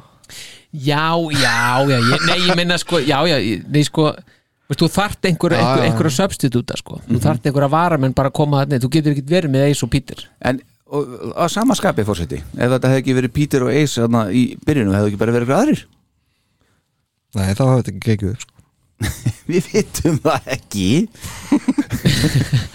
Nei, það er það er miklu auðveldar að fá inn varamann heldur en að fá sérst, að byrja þetta svona sko. já, fá eitthvað að töfra inn í þetta, já, ég held það líka sko. Þannig að uh, fullurðingin upprunlega læna uppið er best en allir meðlimir kiss eru guðir er ekki rétt. Fyrri parturinn þessar er, er, já, er er, já, er, Þetta er fullurðingin Já, Já, nei, nei, nei. Ok, þá er hún ekki rétt. Þá merki ég ekki við hana. Sendi leiðréttingu á heimasíðun Já, eitthvað, eitthvað fleiri en þetta að segja? Nei, Nei. ekki, nei, nei, ég bara, nei. Ok, uh, þá skulum við fara í sjönda punktin yfir tíu hluti Já. sem aðeins grjótarðir kiss aðdándur skilja andlitsmáling þeirra Jean, Paul, Ace og Peter endur spekla þeirra innri mann eina þessum staðrindum uh, sem sér hver alvöru kiss aðdáðandi hefur komist að í gegnum tíðina er að hönnun andlitsfarða allara upprunlegu meðlimanna heldur vatni með við hverjir þeir eru í alvöru og fyrir hvað þeir standa. The Star Child vegna þess að Paul Stanley er fáránlega romantískur The Demon vegna þess að Jean á sína dökku hlið sem eldspúandi kynlífsskrimsli The Catman vegna þess að Peter átti erfiða æsku sem gaf honum orðsporið að eiga nýju líf og The Spaceman eða Space Ace vegna þess að Ace elskar vísindaskálskap og persóna hans í Kiss er að sögn frá annari plánetu Jendel Mm, Já, ok Er hún til? Nei, nei, Nei, nei. Já, hvað veitum við? Já, jú. er hann það Já, verið, sko. En þessi fullurning, er þið saman þessu? Já, ég, ég veist það ég, Já, Nei, mér, ekki öllu leiti finnst mér sko. Nei. Sérstaklega ekki með Pól sko. Nei. Mér finnst að, að hann hafi þróað karakterinn út frá málunginni Já. Finnst mér. Já. Af því að hann var ekkert viss, hann var hann bandit mér að segja í Já, smá já, tíma, sko. já, já, einmitt. Þannig að Þannig að allt sem hann samdi eftir þetta kom bara út frá málingunum sem hann var með framann í sér eða hvað, ekki, sá, einst, hann hefði bara þróað Hann samdi God of Thunder samt, ekki glemma því Jú, jú, jú, jú. Já, já En já, mér finnst að, að karakterinn hafi þróast eftir málunginni Mhm. eftir, Já. eftir að hann ákvað hana sko. Já En það endur, hafa ekki endur speglað hans innri mann sko akkurat at the time Star Power? Mm, ég veit ekki alveg. Nei. þetta er, þetta, er, þetta er svolítið snúið sko. Ó. en, en ég trú sem með, með alla hérna sko. Já, Já, það er svolítið já, það er svona aðeins lengri tengingin hjá, hjá, hjá nafna sko, heldur en hjá hinn hinn er einhvern veginn bara alveg beint af augum. Já, það, það er svona maður, maður fyrir að hugsa sko hvort þetta sé eitthvað, eitthvað svona tvist sko, hann er samt hjartaknúsarinn í bandinu, sko. Hann er, hann er það hann er það. Hefðaleg geta verið það líka sem það bandit svona ykkur, þú veist eins og ykkur Já, amor hann alltaf var kallaður The Lover líka sko Já, sko, er mitt já, já. Eftir þetta Já. Þess- það var bara um 76 sko Já. sem að það kom upp Einmitt. Já, svo er sem kannski kemur frá andlismálingunum þá eða Já, hvað? mér finnst það Já, þetta er En þú Já, kannski hann- ert búin að rýna þess meira í nafna sko. Já, nei, ég bara, ég er að reyna- reyna hvort, þetta sé einhver svona, hvort þetta sé sko einhver andkverfa, hann er lover eða þetta svona þetta, en, en hann sé reynin að byggja um það sko. Að byggja um ástrekaldur að gefa hana. Mhm. hvort að þessi hafi sérst, hvort að það getur verið eitthvað, svol, eitthvað svoleiðis tvist í því sko En af hverju þetta ástardæmi? Menna, hann er með stjörnu þannig að er þetta með rauða varlit eða hvað? Já, en hann, og hann er alveg verið náttúrulega- eitthvað space dæmi líka þess vegna Já, já, hann, nei, hann- samt er hann að því að hann er ekki svona, úst, hann er svo, það Hvað er svo hann væri mikið með- presence einhvern veginn, hann er svo mikið á staðnum Já, meðan Ace er einhvern veginn bara, úst, hann er bara einhver að taka einhver að boga með líkamann og eitthvað, úst, hann er bara svona einhver Hann staðar á er- okkur annar plántu, sko. Out of this world sko. Já, En ef að Pól var með svona hjarta yfir augunum? Það hefði verið, ég er svo að kissa hefði bara ekki komist neitt áfram það, sko. nei, þetta er, en þetta er sko, Nei, var ekki bara hann er stjarnan í, í bandinu? Jú, Það er sko- alltaf bara þróast að vera það sko. Já, já, veist, þetta er, já, En stjarnan. Jean er andlit kiss. Mhm, Samt. En þetta er líka, veist, stjarnan er náttúrulega líka einhverja svona vonir og slíkt, þú veist, tegja sér eftir stjörnunum og slíkt, það, dæmi. Mhm. Já, þetta er, þetta er aðteglisverð, sko. Já. ég, ég samt alveg sammála þessari fulleiningu þarna, sem að ég er að horfa á nafna hann sko, hann á bakvið allir hann, hann er einmitt hann í sjónlínunni hjá mér. Þetta er já. En hann er náttúrulega svolítið hann er, hann er kvenlegur svona að vissu leiti veist, hann, sem hinnir eru alls ekki sko Nei. Nei, nei. Þú veist, þannig já, já, já. Ég, ég kaupi það En hann var samt ekkit svona voðalega kvenlugur eða horfir á gömlu Nei, hann er upptökurnar, minna, sko. hann Já. verður að meira í 80s Já, og svo bara í dag einhvern veginn, bara þegar hann koma með kolluna og eitthvað. Já, en hann er samt eins og við myndust á þegar hann er með brúðarbandið hérna um, um lærið á Gun sko. Já, já, já, já. Og veist, það hefur þessa vísun. Mhm. veist, það er þessi svona það er þetta, þetta hárfína jafnvegi sem hann einhvern veginn nær sem er svo geðveikislega flott þarna, Ég myndi vilja sjá hann Smá panaðar hann sko. Hann er smá panaðar hann Já. Já. Pansexual ég, ég, ég myndi vilja sjá Pól sérst, í dag á sviði bara ekki með kollunum bara, veist, hárið hans er bara flott. Þú veist, bara sleppa því að því að sko á svo gömlu upptökum sem ég veit ekki alveg hvað er vitni er, ég get tala um 75-6 þegar hárið hann er bara pínu svona slett aftur einhvern veginn og hann er með málinguna hann er bara töff þar svona hann að vera í dag ekki með þetta svona kolluna túpir að einhvern veginn upp og Þetta menna hérna þegar hann er í kópo eins og hann hafi, hann hafi verið heim upp á háalofti og rekja alltaf hausin upp í hann er alveg svona flatt og hann var okkur fyndur Já, Það er ég er að meina það. Það er, alltaf að reyna að taka hárið upp svona að millilaga Já, en tekst ekki, en þarna er hann bara cool. Svona vil ég hafa hann. Já, hann er náttúrulega var geggjaður sko þarna á Love Gun og, og því tíðan, finnst Já, já, mér sko. Og en þa þar líka finnst mér að ná alveg þessari hárfinu eins og við höfum, áður minnst á þessari hárfinu línu á milli þess kvenlega og þess kall, kallæga Mér finnst þetta- mér finnst hann flottastur um hárið á, Destroyer túlnum sko. er með hérna hvíta Já, með grá, lokin hérna.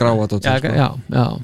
Þeir Já, fóru, er- fóru til hérna, fóru til Englands og spiluðu þar það var geggjað sko. já, það er mjög töff líka sko Ok, þannig að þátturinn er ekki samanlæsar fullýringu Jú. Ekki að fulluleitinni Nei, ég, ég sko, fósitin seldi mér þetta svolítið þannig að ég ætla að kjósa með honum þannig að þátturinn hafnar þessu. Skotin. Þá er komið að sjö Þú varst ekki nógu samfæriti Nei, það var erfitt líka þetta var svolítið snúið sko. Já, já. Myndu mig á þeim að anta sölum að næst að ráða því ekki. Skotin. Herðu, það var að sjötta fullýring uh, Tíu hlutir Yfir. Er það að fylgjast með? Já, tíu hlutir yfir það sem uh, harðir kissaðdáendur eru vita. Já, skilja engungu Skilja engungu Akkurat. Skal Númer selja þetta núna, ég skal selja þessa. Já, sell me this pen. Já. uh, Þú getur ekki treyst neinu sem hljónsveitin segir. Það er bara algjört kjáftæði Kiss eru allræmdir fyrir að beigja sannleikan og eða staðrindir, staðrindir örlítið til. Alvöru Kiss aðdáðandur eru venjulega með í gríninu og vita oft til rétta. En margir fjölmiðlar sem í örvæntingu sinni eru í leit að góðum fyrirsögnum og rockheiminum falla oft fyrir hvítumlegum og svörtum húmor frá bandinu og þá kannski sér í lagi frá sjálfum Gene Simmons. Sem dæmi sagðist Gene hafa hafnað hlutverkinu í kvikmyndinni Flashdance árið 1983 Frábært dæmi. Og svo segist Kallinn hafa sofið hjá um 5.000 konum frá árunum 1973 til 2011 þegar hann giftist loks henni Shannon Tweed Simmons. Það eru 132 konur á ári eða 11 konur á mánuði. Og svo má ekki gleyma hinnum fræga farveltúr sem farið var um aldamótin síðustu. Síðan eru liðin 20 ár og Kiss eru enn að ætli The End of the Road túrin verði sá síðasti? Og ætli Kiss Cruise 11 sé síðasta krúsi sem Kiss munu spila á?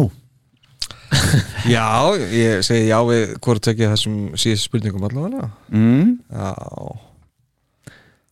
Já, voru ekki búin að tala um það Ég vilja bara hætta þessu sko Þeir vilja bara klára Jú, við vorum búin að tala um það Já, já, það, það er ekki þeir er ekki að ljúga því og mér finnst þetta, þetta er náttúrulega með farveltúrin náttúrulega bara sko, hvert hann að ruggla löngu búið að vindóna því að eins og Pól er búin að segja að, hérna, að, að þeir, hann, þeir áttuðu að það langaði ekki til að hætta það langaði bara til að losna úr þessu scenaríu Mhm. sem var að losna við Peter og Ace Mhm. en það, hann, engin ástæði til að hætta Nei. það langaði ekki til þess þá þannig að ég sé ekki að það sé eitthvað að þau eru eitthvað að nutta því alltaf veist, Nei. það breytust bara forsendur Mhm. come on Mhm. mér finnst ekki endilega heldur að það sé eitthvað mikið að ljúa og þess vegna var ég að tala um það þegar þeir voru að bulla þarna og spila þarna í uh, þeir gáðu diskin hérna You want the best, you got the best og þeir voru að Það segja þetta væri frá 75 þegar þetta er það ekki já, já. Veist, það finnst mér af því að mér finnst maður eigi að geta treystum og mér, mér finnst það, minna, auðvitað kannski þar þetta er business og það getur verið að menn þurfa kannski aðeins að kannski getur ekki alveg sagt alltaf allt á réttum tíma. Mhm. mér finnst það bara ásku beðlegt Já. en það er ekki að, að, að, að, þeir séu bara eitthvað síljúandi það er langt ifrá Þannig að þátturinn hafnar þessari Já, algjörlega, keftur þetta ekki? Jú, algjörlega. Já, takk, er ég að fara Þú ert bara náður í vinnu. Já, takk. Hjúkt Herru, þá er það 50 punktur yfir uh, 10 hluti sem að aðeins þeir hörðustu Kiss aðdáðandur skilja. Ok, okay. Númer 5 Kiss voru innvíðir inn í fræðarhöll roxins allt, allt, allt, allt, allt of seint. Jú, jú. Kiss gerðu alveg jafn mikið og og öllum líkindu mun meira en nokkur önnur hljómsveit hvað varðar að koma rockinu yfir fjöldan. Frábærar sviðsframkomur þeirra á tónleikum, risa tónleikaferðir um allan heim, larger than life ímynd og fjölmörg svokölluð anthems, lög sem við höfum svo sem rætt í þessum þáttum. Þá hafa þeir selt gríðalegt magn af plötum og haft áhrif á stóran hóp tónlistafólks út um allan heim sem við fórum yfir á hann, til dæmis. Hvers vegna tók það öll þessi ár að fá hljómsveitina víða í þessa fræðarhöll? Þá er líka mjög aðteglivert að árið 2014 var líka í fyrsta skipti sem að hljómsveitin príti forsjöðuna á Rolling Stone tónlistartímaritinu. Náði heimurinn því loksins þarna 2014 sem Kiss aðdöfundur höfðu vitað allan tíman? Eða var þetta bara skilda þessarar blessuðu helvítis akademíu? Já. Hvað segir við hér? Þetta er náttúrulega bara reygin nextli Já. Já, var það ekki, hvað, 90, 91, 2 sem að þeir voru Er ekki 25 á Jú, 25 Nei, það var ekki 15 og 15 árum, bara 15 fram að þannig að það var ekki bara 99 Já, það getur verið. það er, það eru 25 ár. Já, 25 ára En Til 2014? Nei, nei, frá, frá 73 sko, eða 74, Já, frá já. fyrstu plötunni sko. Þurfa ekki að vera 25 Já, já, fyrir ekki, já, já, já, já. Þeir voru sem sagt gjaldgengir 99 er ég meina. Akkurat, já, já, já, já, já. Rétt. Og, þá, ég meni, ég veit ekkert hvort þeir átt að vera í fyrsta rándin eða um leið, sko, eða hvernig það er en, en það að vera að þvæla þessu svona lengi það er bara, þetta er bara rugl ég meina, þetta er ekki það er ekki til að velja út frá því hvaða áhrif þú er haft eða hvort þú verðskuldir að vera þarna. Þetta er eitthvað allt elitan hann sem að að vera í réttum hérna, ringjum til þess að komast að þeim sko. og Kiss hefur aldrei verið í þessum réttu ringjum sko. Menn að gaggrindur hafa alltaf hatað Kiss. Já, já, Já, segja það. Þannig að, Þannig að þeir þurftu bara að gera þetta að- með Rolling Stone þannig dæmi þeir þurftu bara að setja þetta að setja það framan á fyrst að þeir voru nú valdnir hann inn. Mhm. þeir hefðu aldrei gert það annars En þetta er sama ég var komaðis inn á þetta áðan ég var að tala um skona uh, þegar að maður er að tala við fólk sem er ekki kissaðdöndur, þá ertu bara default anti-kiss Það- Nei, Já, ég- ég er ekki alveg við því, sko. Heilt yfir Mm. Þessi neutral uh, liðið, það er bara djúft á því veginn okay. og þá einhvern veginn bara ég upplýði þetta fólk alltaf eins og, eins og þau séu þessu akademi Já, já, já, já. Veist. algjörlega sko. Vita ekki anskotan ekkert hvað það er að tala um. Nei, nei, nei það, Helvíti stjöfull nei, Já, það, það er það. Þetta, þetta minnir mann svolítið á hérna, þegar ég verið að segja kissi hérna, þetta er lélegt sko. Og svo spyrir maður hvað ertu búin að heyra mörg lög? Já, upp. Já, hvernig finnst þér þau? Já, mér finnst þér þetta ágætt Já, mitt, ok, þú bara er á tvölið finnst þér ágætt en finnst þér bara, já, veist, maður getur ekki tekið þessu umræð maður verður svo klikkað. Já, Já, það er mjög vond að I was made for loving you sé mæli hvarðin á Kiss. Já, það er Það er bara þannig. Þó, þó þetta sé æðislegt lag þá er þetta alls ekki það sem að Kiss á að vera frækt fyrir. Nei, alls ekki, það er alveg sett sko. Mínikiss taka þetta vel Já, örugglega, sko. Herðu, við, sem sagt, við erum sammála þessar fulleringu Allt, allt, allt, allt, allt, allt, allt Já, já, já, Já, já Þá höldum við áfram. Fjóruði punktur yfir þá tíu hluti sem að aðeins þeir hörðustu kiss aðdöndur skilja. Mm. Númer fjögur. Já, Hinn frægi hljóðveggur eða The Wall of Sound var uppspunni frá rótum. Ok. Annað dæmi um hvernig Kiss beigðu sannleikan aðeins Í árdaga bandsins túruðu Kiss með heilt fjall af mögnurum Já, já. sem stilt var upp á sviðinu fyrir aftan þá og áttu þeir að skila svokullum hljóðvegg eða The Wall of Sound. Þetta gaf bandinu það orðspor að vera hávarasta hljómsveit í heimi. Hins vegar, eins og allir sannir aðdáðandur hljómsveitrinnar vita, var ekki allt eins og það virtist vera. Flestir þessir magnarar sem við sjáum á gömlu flottu plakutunum okkar sem dæmi voru raun tómir kassar þar sem hljómsveitin hafði vist ekki efni á fleiri mögnurum en bráðunauðslegt var að hafa með svo eitthvað myndi heyrast í þeim. Wall of Sound var því sögusögn sem hljómsveitin bjóð til til að fá fólk til að halda að bandi var í hávarjara og kraftmeirara en þeir voru í raun og veru. Kraftmeira en þeir voru raun og veru. Svo kallað Marketing 101. Þó hafa þeir bætt þetta upp síðan, auðvitað, og verið með heilu staplana af alvörum mögnurum á sviðinu og mörgum af sínum risa tónleikaferðum um heiminn. Mhm. Það er hálf kjánalögu punktur en hann er bara það. Já. Já, já, já. Já. Hvað segir með þetta? Ætlum við að samþykja þetta? Það er að vera með tóma kassa Já, já, já, Já, þeir voru það, það, það er bara starinn sko. mm -hmm. Já, máttu ekki setja ljósin á þetta og sæðist í gegnum þetta okkur Já, já. Höfðu ekki svona fyrir að setja bakið á Nei, nei. var ekki rótarinn bara nei, hver, það var einhver sem að smíða þetta Þess, þetta voru ekki tómir bara Marshall hérna, sem voru keiftir eða einhverju rusli sko. þeir voru bara smíðaðir sko. Já, þetta er bara krossviðu bara og, já, já. já, ok, spreyja svart og já, okkar sagt bara er Sean Delaney sem er Já, við já, hamarinn það getur verið sko. Æ, ég maður ekki. Nei, ég held ég að vilja segja einhvern Já, það var bara þriðji punktur. Já. uh, Númer þrjú. Myndin, títnæmda Kiss meets the Phantom of the Park Já. er betri en margir halda. Kiss meets the Phantom of the Park kom út árið 1978 um var að ræða sjónvarpsmynd sem fekk reyndar furðu góða dóma á sínum tíma svona miða við en lélegi brandarar og ennverri sögutráður, slakur leikur og 100% kjánarhóllur ollið því að margir aðdáðandu sveitarinnar höfnuðu myndinni. Samt og svona eftir á að hyggja hafa margir aðdáðandu litið tilbaka á þessa mynd með vissu dálæti. Enda er myndin orðið svo kallað köld verk í dag sem er nú klassist fyrir sértrúasöfnuðin sem við nefndum áðan að halda fram. Kiss sjálfur hafa vísu talað myndina niður opinberlega gegnum tíðina og síðast hann Póli viðtali við Hollywood, Hollywood Reporter á dögunum þar sem hann líkti henni við ljóta barnið þitt. Þú elskar það samt. En Kiss hafa svo sem pínur rétt fyrir sér með þessari gaggrinni sinni Þetta er frekar mikið rugg svona með við kvikmyndir annara tónlistamanna. En hún er samt vandræðilega skemmtilega áhorfs. Hún er samt ekkert Star Wars meets the Hard Day's Night eins og þeim var seld hugmyndin á sínum tíma. Nei. Fórseti, nú stóðst nú þú fyrir hérna síningu þessar myndi í. Bíóparadís. Já. Það var nú fullt hús eða ekki? Jú, það var bara fullu salur. Já, sold out þar Þetta, er eitthvað sem að maður verður bara að sætta sig við sko. Þetta gerðist og þá verður maður bara að fagna því Já.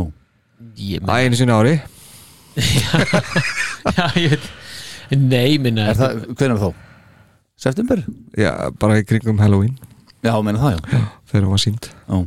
Já, nei, nei, þetta er bara þetta er náttúrulega, veist, allt rétt með þetta þetta er náttúrulega alveg afskaplega slöpp mynd sko. Mm. En ég meina, en það eru samt þarna tónlistaratriði sem Já, eru bara æðisleg og ég meina, ég spólaði bara alltaf í gegnum myndin og hérna, horfði á þetta. Mér þetta bara frábært stöf Rip, rip, rip in this destroy. Já, til dæmis og, og, og sjárið átt látt Já, og allt það, okay. þetta er bara gaman að horfa á það og svo náttúrulega bara það einhvern veginn að geta séð þá í einhverju svona uh, meira en einhverju þryggja mínuna vídjóm bara sem er klift endalust sko. Einmitt á þessum tíma líka þannig. Já. já, já, ég veit það. Veist, og heyra þá tala og heyra þá eitthvað og Sérstaklega- Sérstaklega Peter eða ekki? Jú, með Peter Döbbaður allan tíma og eins sem að fekk tvær línur eða eina. Já. nei, nei, en samt, þú veist, þetta er svona það, þetta, gefur, þetta gefur manni meiri nánd einhvern veginn. Já. og ég, mér fannst þetta bara frábært, ég minni auðvitað var þetta náttúrulega veist, þetta þeim var selt eitthvað allt annað Mhm. og svo er þetta bara eitthvað, eitthvað vittlisa sko. Pól sagði í þessu viðtalið þarna í Hollywood Reporter sem bara glænit viðtal kom út 25. Já, já, februar einmitt. þá var hann að tala um þessa mynd og hérna hann sagði að alltaf þegar að þeir ruggluðust ekki á línun, því sem átt að segja línunni sinni, Já. þá var það bara að taka ok, næsta og einhvern tíma sagði, að Pól sagðist að snúi sér eitthvað svona tilbaka á Bill Coin og sagði mér líst ekki alveg nógu vel á þetta sko þá hafði Bill hefði sagt við hann don't worry. Og, og svo sagði Pól sko í viðtalinu þú átt aldrei að þurfa að heyra þessa setningu. Don't worry. Then you have to worry. Akkurat. Talandi um svona myndir sko, ég er náttúrulega við alla fórum á hérna, myndina með nýju myndina með Foo Fighters. Já. Sem að var gefin út núna um helgina. Það er nú eitt band sem hefur heima í listanum á hún Já, já, algjörlega. Já. og hérna ég held að hún gæti verið í sama flokki sko Er hún léleg? en, en eru þeir ekki að reyna að hafa þetta svona kjánalegt eitthvað? Já, sko Það frægi sést- fyrir svona myndbönd eitthvað Jú, jú, en það er nákvæmlega alveg ljóst að, að hérna, það getur engið að leiki sko. Nei. Ég veit ekki hvort að það, það sé pointið eða hvort að þeir séu actually að reyna að leika Já. en það allavega mistekst alveg ríkalega nema kannski hjá ról sko Já. að því að það verður alltaf vannur en almatur, hvað hinn er lilir Já, ég meina þetta er náttúrulega ég þú- þetta eru tónlistamenn eins og að Ace hafi sagt þú veist, við erum tónlistamenn, við erum ekki leikarar Nei. og þetta náttúrulega er það að leika í bíómynd það er ekki eitthvað sem bara lappar út af, af göttinu og bara leika bara í bíómynd Að það, Þeir gerðu það Já, þeir gerðu það, en það er, ég meina útkoman er sú. Já, eðlilega þá virkar það ekki því að það er auðvitað bara reynsla og það heil ekki, mikið æfing ekki skrítið að sé bara heil starfstjætt í þessu sko. bara í þessu, þú veist, að gera þetta þannig að hérna, og við erum nú með já, margar íslenskar myndir með, með, með leikurum sem að eru ekki bíómyndaleikarar og við sjáum nú það er nú ekki alltaf æðisli samtölinn þar heldur sko. Nei, nei. Ertu búin að fara út? Já, þú veist, þetta er alveg æðislega þingað sko. Já, já. og þetta er náttúrulega bara, já, er, er náttúrulega bara Veistu hvað fjastýringin er? Hvað er í matinn? já, já, já, einmitt. það er eitthvað svona Já, já. Herðu, já, já, við erum sammála fullinningunni Hún er betri heldur en margir halda Já, Er það ekki? jú, Já, jú, jú, jú. þetta er bara Það var fín laglegt. mynd sko. Já, já, ég Þá er það punktur nummer tvö Yfir þá tíu hluti sem aðeins hörðustu kissa þetta undur skilja. Númer tvö. Og halduður núna maður Star Power.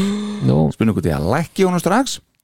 Okay. Þetta er Ég tek það fram að ég er að þýða þetta. Ég er ekki að semja þetta sko. Nei, nei. Þetta er um Alive 2 Kiss Alive. Ég byrja aftur. Kiss Alive er ennþá besta Kiss-platan sem komið hefur út. Kæftæði Platan trónir reglulega á toppi gaggrínina skoðanakannana um bestu Kiss-plötunar en það þýðir ekki að þær kannanir séu allar réttar. Alive, þá erum við að tala um Alive 1 auðvitað, Alive upprópunamerki er samt líklega. En besta sönnun þess hversu mikið og vel Kiss rokkuðu á hátindi fræðar sinnar. Sér hver meðlumur er í óvenjulega góðu formi Sándið er hrátt, mjög hrátt án þess að hljóma þó illa og útsetningar lagana eru framúskarandi.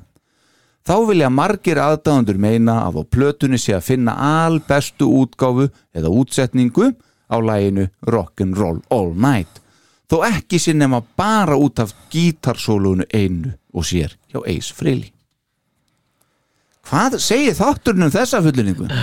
sko, Kiss var ekki á hátindi félagsins þegar þeir tóku ég er upp þetta. Hátindir var þegar þeir tóku upp 2, 2 Já, það er bara óvart þannig. Já, já. þannig að það náttúrulega fellir þetta strax. Ég meina Alive er frábær plata. Mm. en ég, ég bara mér finnst bara alltaf Alive 2 það er bara Það er er bara, já, það er bara þannig er bara geggja rútineraðir og ógeðslega góðir. Mhm. og ekki, ég minn og þeir eru frábærir á Alive Þú veist, bara og ekkert nema gott um það að segja en mér finnst einhvern veginn, mér finnst Alive 2 aldrei einhvern veginn fá veist, það sem hún verðskuldar því að það er bara bara negla sko. Finnst, bara Allir það sé út af því að hún er númer tvö Já, mögulega og hinn hafi hinn náttúrulega svona kannski má segja hafi leikið mikil, kannski svona hún kom inn á kritískari tíma Mhm. alive og, og hjálpaði náttúrulega bandinu að ná á stalli sem sem alvöru band sko og stórt band Mm. Alive 2 var svona meira bara til að fylgja hún er bara, hún er bara sýnishorn af því hvað, hvað þetta var þegar þeir voru bara á, á topnum Mhm. og það veist, það er bara allt það er bara, ég meina berið saman umslæði til dæmis á Já. þessum tveimur plöð, ég meina halló bara framhliðina, mm. -hmm. með hálft umslæði bara kiss og svo þessar myndir og hvernig Gene er og svo þessa, þetta, þessa opnu Mhm. ég meina á móti hvað erum við með hjá Alive við eitthvað nótur frá þeim eitthvað sem að make engan sens og svo verið að kynna hérna aðrar veist, þetta er þetta er bara algjört rugl Já, og og, það er bara verið að tala um bestu plötu sem þeir hafa gefið Já, út já. Já, nei, Sko, þetta er ekki einu sinni besta Alive-platan sko. Þannig að og ég er allan með tvær sem mér finnst betri heldur en Alive 1 sko. Mhm. fyrir utan Alive 2 sko. Þáttur, þátturinn hafnar þessu Já, ég er gælt betur þetta gjössanlega sko. já, já, það er allavega ein a- a- live plata betri heldur en Alive mm. Klárt. Það var aldrei annað að fara að koma til greina úr þessum þetta sko. þú veist það alveg. Já, já, algjörlega. Það vissi þetta allan tíman þú, þú ert ásamanlega því, er það ekki? ég, ég er bara, ég er sammála ykkur hérna. Er, já, Nei, nei, ég er sammála ykkur, hvað er þetta? Þessi ég held að þú var Alive maður. Hann, hann samfærist núna. Ah, að þú eru bara ekki að segja Nei, sko, málið er það að þetta er langt frá því að vera eins og þú sagðir besta kissplata sem komið hefur út. Já, já, Þú veist, það er bara galið að halda þið fram. Já, já. Svo er þessi Alive umræða, sko það, hún er, það er önnur umræða, við máum taka hana síðar. Við máum taka Alive eitt einhvern jú. já, Við geggjum svolítið slatta eftir. Þetta með að taka líka Alive 2 bara aftur sko. Taka hana aftur á bak. Ég geti líka gert það. Þátturinn hafnar þessu, þessari fullir Já, já, já, bara- Sveiatan, bara vertu beint- úti og þegiðu beint heim með þetta. Já, herðu, þá er það bara uh, fullering nummer eitt. Okay. já, Yfir það sem að aðeins harður kiss aðdáðandur skilja. Sko? Númer eitt. Að vera kiss aðdáðandi er lífstíl Mm. Kaching. Kaching. Margir sannir kiss aðdáðandur hafa verið viðstattir eina af þessum uh, allræmdu kiss ráðstefnum eða kiss conventions sem haldnar hafa verið Hversu margar hljómsveitir geti í raun og veru haldið slíka ráðstefnur um allan heim og það jafnvel árlega? Þetta eru kjörin tækifæri fyrir unnendur hljómsveitarinnar til að hittast, bera saman eigur sínar eins og búninga, plötur og annað, talað um átrúnaðagóðin sín og einstaka sinnum hitt einhvern af meðlumum kiss, núverandi eða fyrverandi. Þetta höfum við líka séð í mýfluguminn þó hér á Íslandi sem dæmi á Kiss Army Iceland Alive eh, podcast Alive eventum. Já, Nú eða auðvitað þegar að sjálfur Bruce Kulik kom til landsins árið 2014 Þá hefur Kiss Army Iceland staðið fyrir viðburðum eins og þegar að myndin fyrirnemda Kiss Meets the Phantom of the Park var sínd í Bíóparadísum árið. Og fleira til.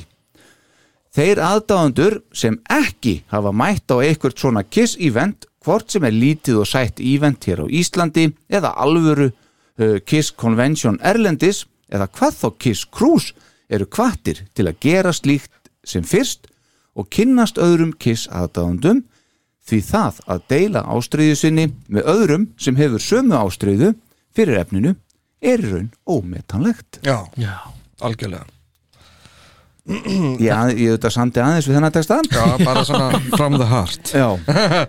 En það er alveg rétt sko. Það er eitt að vera hérna í okkar kreðsu Mhm. að tala um kiss og eitthvað svona en að vera að fara út í heim og tala við og hitta fólk sem er svo ljósárum á undan. Að lengra komnir heldur en við sko. Ég var bara svo leikskólastrákur hérna á Ég blessaði góði sko. Þannig að maður held að maður væri nú bara Ég held þessi nokkuð vel en mm. þau vílíkur miskilningur Já, það var alveg ævintýralegu miskilningur Ma, maður var ekki svona að reyna þykja sko, það þetta var bara sko, þú ættir ekki breyk Nei, sko, sko ég og Jói vorum veistu, við vorum búin að vera í þessari svona alþjóðlegu umræðu meðal kissa aðdöfunda og safnara í einhver tíma sko Mhm. áður en við fórum til dæmis á fyrsta krúsið Mhm. Já. þannig að við þekktum alveg slatta af fólki sko en það er líka það er svo mikill verðskurður af fólki á krúsinu til dæmis Mhm. það getur verið þessir ultrasatnarar og það getur líka bara verið fólk sem að fílar kiss Mhm. það er ekkert að satna eitthvað voðalega Mhm. Mhm. en þú far líka svo mörg mismunandi hérna, sjónarhorn Já.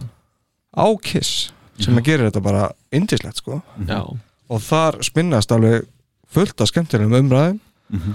og bara vin, vinskap Já, já. þannig að þetta er aðeinslegt sko Já, já, já, já Það, já, já, það, þetta, þetta, þetta er bara sko, svona ég, allt einu kom í höfuð á mér og þá ætla ég að lofa ljósmynd. Við ætla að gleyma því alltaf. Skuldum þær nokkrar. Já, já, já. Á krúsinu sem að ég var á þá var eitt kvöldið af örgulega var indoor sjóið hitt sem ég var ekki á sem sagt. Þetta var svona á þeim tíma kvöldsins að það var rólegt upp á dekki. Mm. og ég og bróður minn sátum hann bara í algjörlega rólihittum sko, hann við barinn og horfðum svona yfir dekkið þú veist, pottarnir og sundlögin fyrir niðan okkur svo horfið ég svo niður og það er dimmt úti og sundlögin er upplýst alveg grænt svona vatni finnst manni er, þú veist, og það er uh, ung kona að synda baksund. Og sundbólega bygginni í mann ekki. Mm. alveg ótrúlega kyrð bara svona falleg kona. Mm. máluð eins og Peter Criss í bara þögninni hann upp á dekki. Ég pekaði bróðum minn bara sérð þetta? Hvað getur þú sér þetta annars það þetta, er bara, þetta var svo frábær sjón. Ég tók nokkra myndir, ég verða mun eftir að byrta þetta. Þetta, veist Já. ég er ekki meira neitt kynferðislegt sko. Þetta, er Nei. bara, veist, þetta var svo fallegt sko. Já, já. Já, já. Þetta er, þetta er bara sko það, það er líka eitt að fara á þetta krú sko og það er svolítið svona afmarkað Mhm. en þegar við fórum líka á hittum Peter Criss hérna í New York Já. Veist, það var náttúrulega convention líka Mhm. á hótelin sem við vorum á Mhm. það er það er svo allt öðruvísi Ok. einhvern veginn. Já. allt annar önnur stemning en samt ekkert en allir vinir maður kynnið svo mörgu af fólki sem er að selja dót og svona Mhm. og líka fólki sem að er bara býðandi í, í röðum og svona já. það gerst svolítið á því Mhm. og þar kynnist maður einmitt fullt af fólki sko. það er uh, maður sem að sér um hérna, Anna Kiss podcast í bandarækjunum Mhm. náðum að kynnast honum nokkuð ágætlega Mhm. eða allan ég mm. og svona Garri vinnur okkar frá Kanada Já, já, einmitt það og svo, skemmtilegur og svo hann hérna finski, hann Lassi hérna já, Lassi Lukanen Já, einmitt bara það er bara út um allan heim já, já. og þetta er bara þetta er ómetanlegt að ná þessum tengslum við svona fólk Mhm. en Já. maður vill vera eitthvað inn í þessu sko en ég er alltaf að leitenda svarinu þessari spurningu, af hverju er þetta lífstíl? af hverju er þetta lífstíl? Af hverju er ekki, já af hverju er ekki uh, svona miklir nöttarar í kringum bara Pink Floyd eða það getur alveg vel verið að það sé sko. Ég hef bara ekki hugmyndu það. Já. Menna, getur rétt ímyndað þegar að við vissum ekki af hvora erum fyrir mörgum án síðan sko. Nei, nei, það er rétt. Þannig að að ég er ekkert að leita að þessu.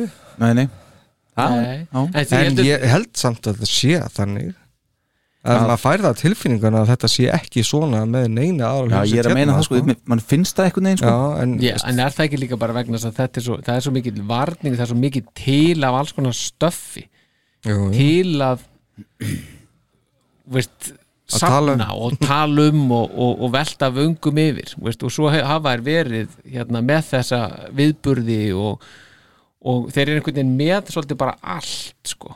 Mhm. Veist, Já, það- þetta er það- heill- þú getur farið á heill pakki, Chris sko. og eh, getur farið á cruise og þú getur farið á convention og minigolf og þú getur farið veist, þetta og þangað Veitingastað og- veitingastað og farið í bíó og, og eitthvað og bla veist, og þetta er bara endanast af einhverju hefða, hefða til svo breiðis hóps líka sko.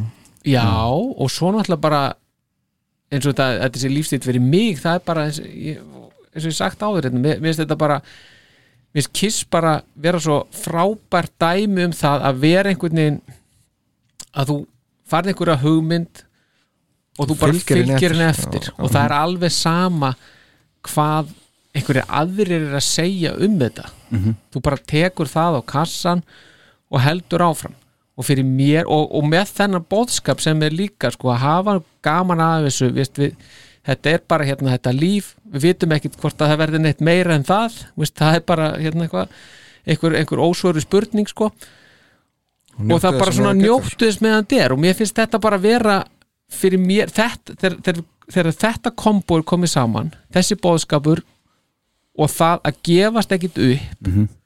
og ég meina við sjáum hverjir, hverjir er að hlæja núna sko. Mm, mm. Veist, er það gaggrinendunni sem voru svo óbúslega gáðir Mhm. Eða eru það Paul Stanley og Gene tala um Simmons? Sigmundur Erni og, og Ese? Já, til dæmis, ég meina hugsið ykkur útreðina sem að þessi menn eru búin að fá.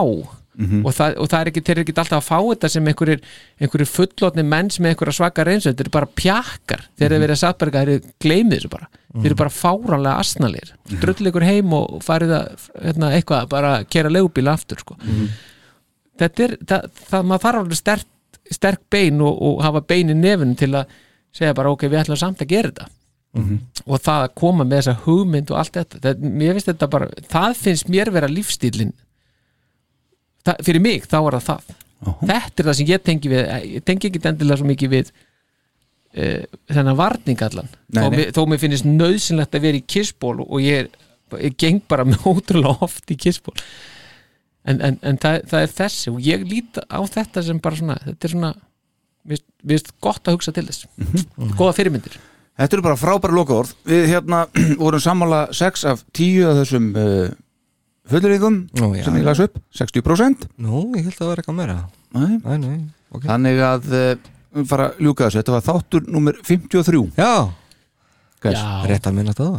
Já, og við erum búin að vera í tvo tíma og... en það er líka bara þetta. Já okay. Að Réttir vera að slúta þessu sko Nei, allt er, allt er góð Ég ættir að slúta þessu Nei, bara að það, er, það er þetta hvað hva, hvað væru margar hljómsveitir sem myndi geta þólað 53 þætti Mhm. veist, bara, bara þessi það, er-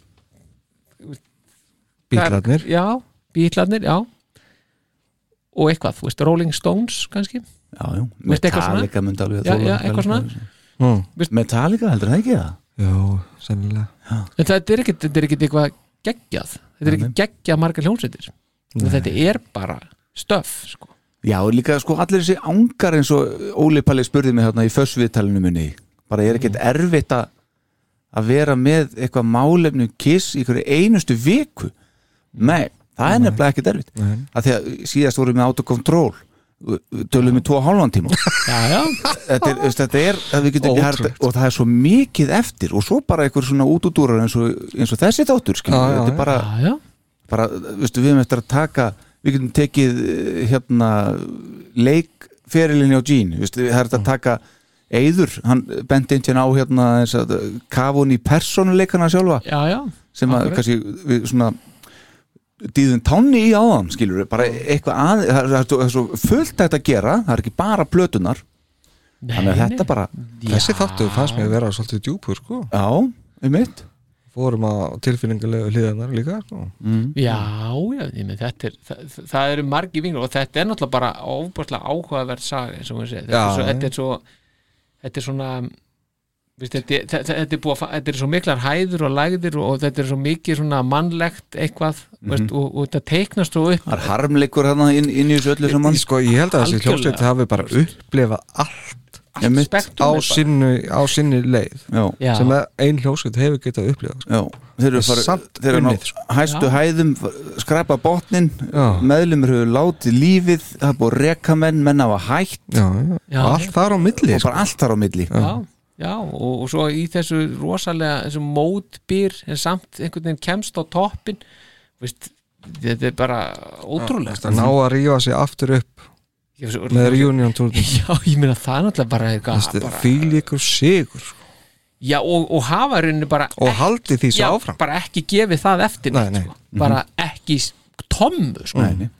og allt inn er bara eitthvað svona já, ok, þú veist, kiss orðið bara svona að því að við vorum að tala um á hana svona, bara anti-kiss og kiss sko og minikiss og, og minikiss en mér, er- mér er fundið samt sko það er einhvern veginn að kiss það er svona meiri viðurkenning það er svona fleiri sem er svona já, heyrðu, þetta er, þetta er já, ok veist, fólk jafnvel sem Sko- var bara áður fyrir bara Sko ég er nokkuð viss um það að ef að Kiss myndi spila hérna í dag þá kemur fleiri heldur en hefðu komið fyrir tíu árum síðan. Mm. já, að því að þeir sem að upplifðu Kiss á þeim tíma fannst þetta geggja hattarislegt kannski Mhm. en það 80s eða eitthvað Mhm. þeim kannski finnst þetta ekki rosalega hattarist í þetta dag sko. Svo er hann reynda líka allir antikissarnir sem ég var að tala um á þeir eru allir að fara að mæta sko. Já, já, fyrir þetta það En, en kiss á Íslandi. Kiss á Íslandi í næsta mánuði Hvaða húsnaði er það? Æ, næst, ég held Er það ekki nýja Eurovision höllin eða? já, bara í Gufinesinu Já ég, Nei, ég, ég, ég held að höllin bara Lögðarsvöldin? Já Ekki eigilsvöldin allavega, come on.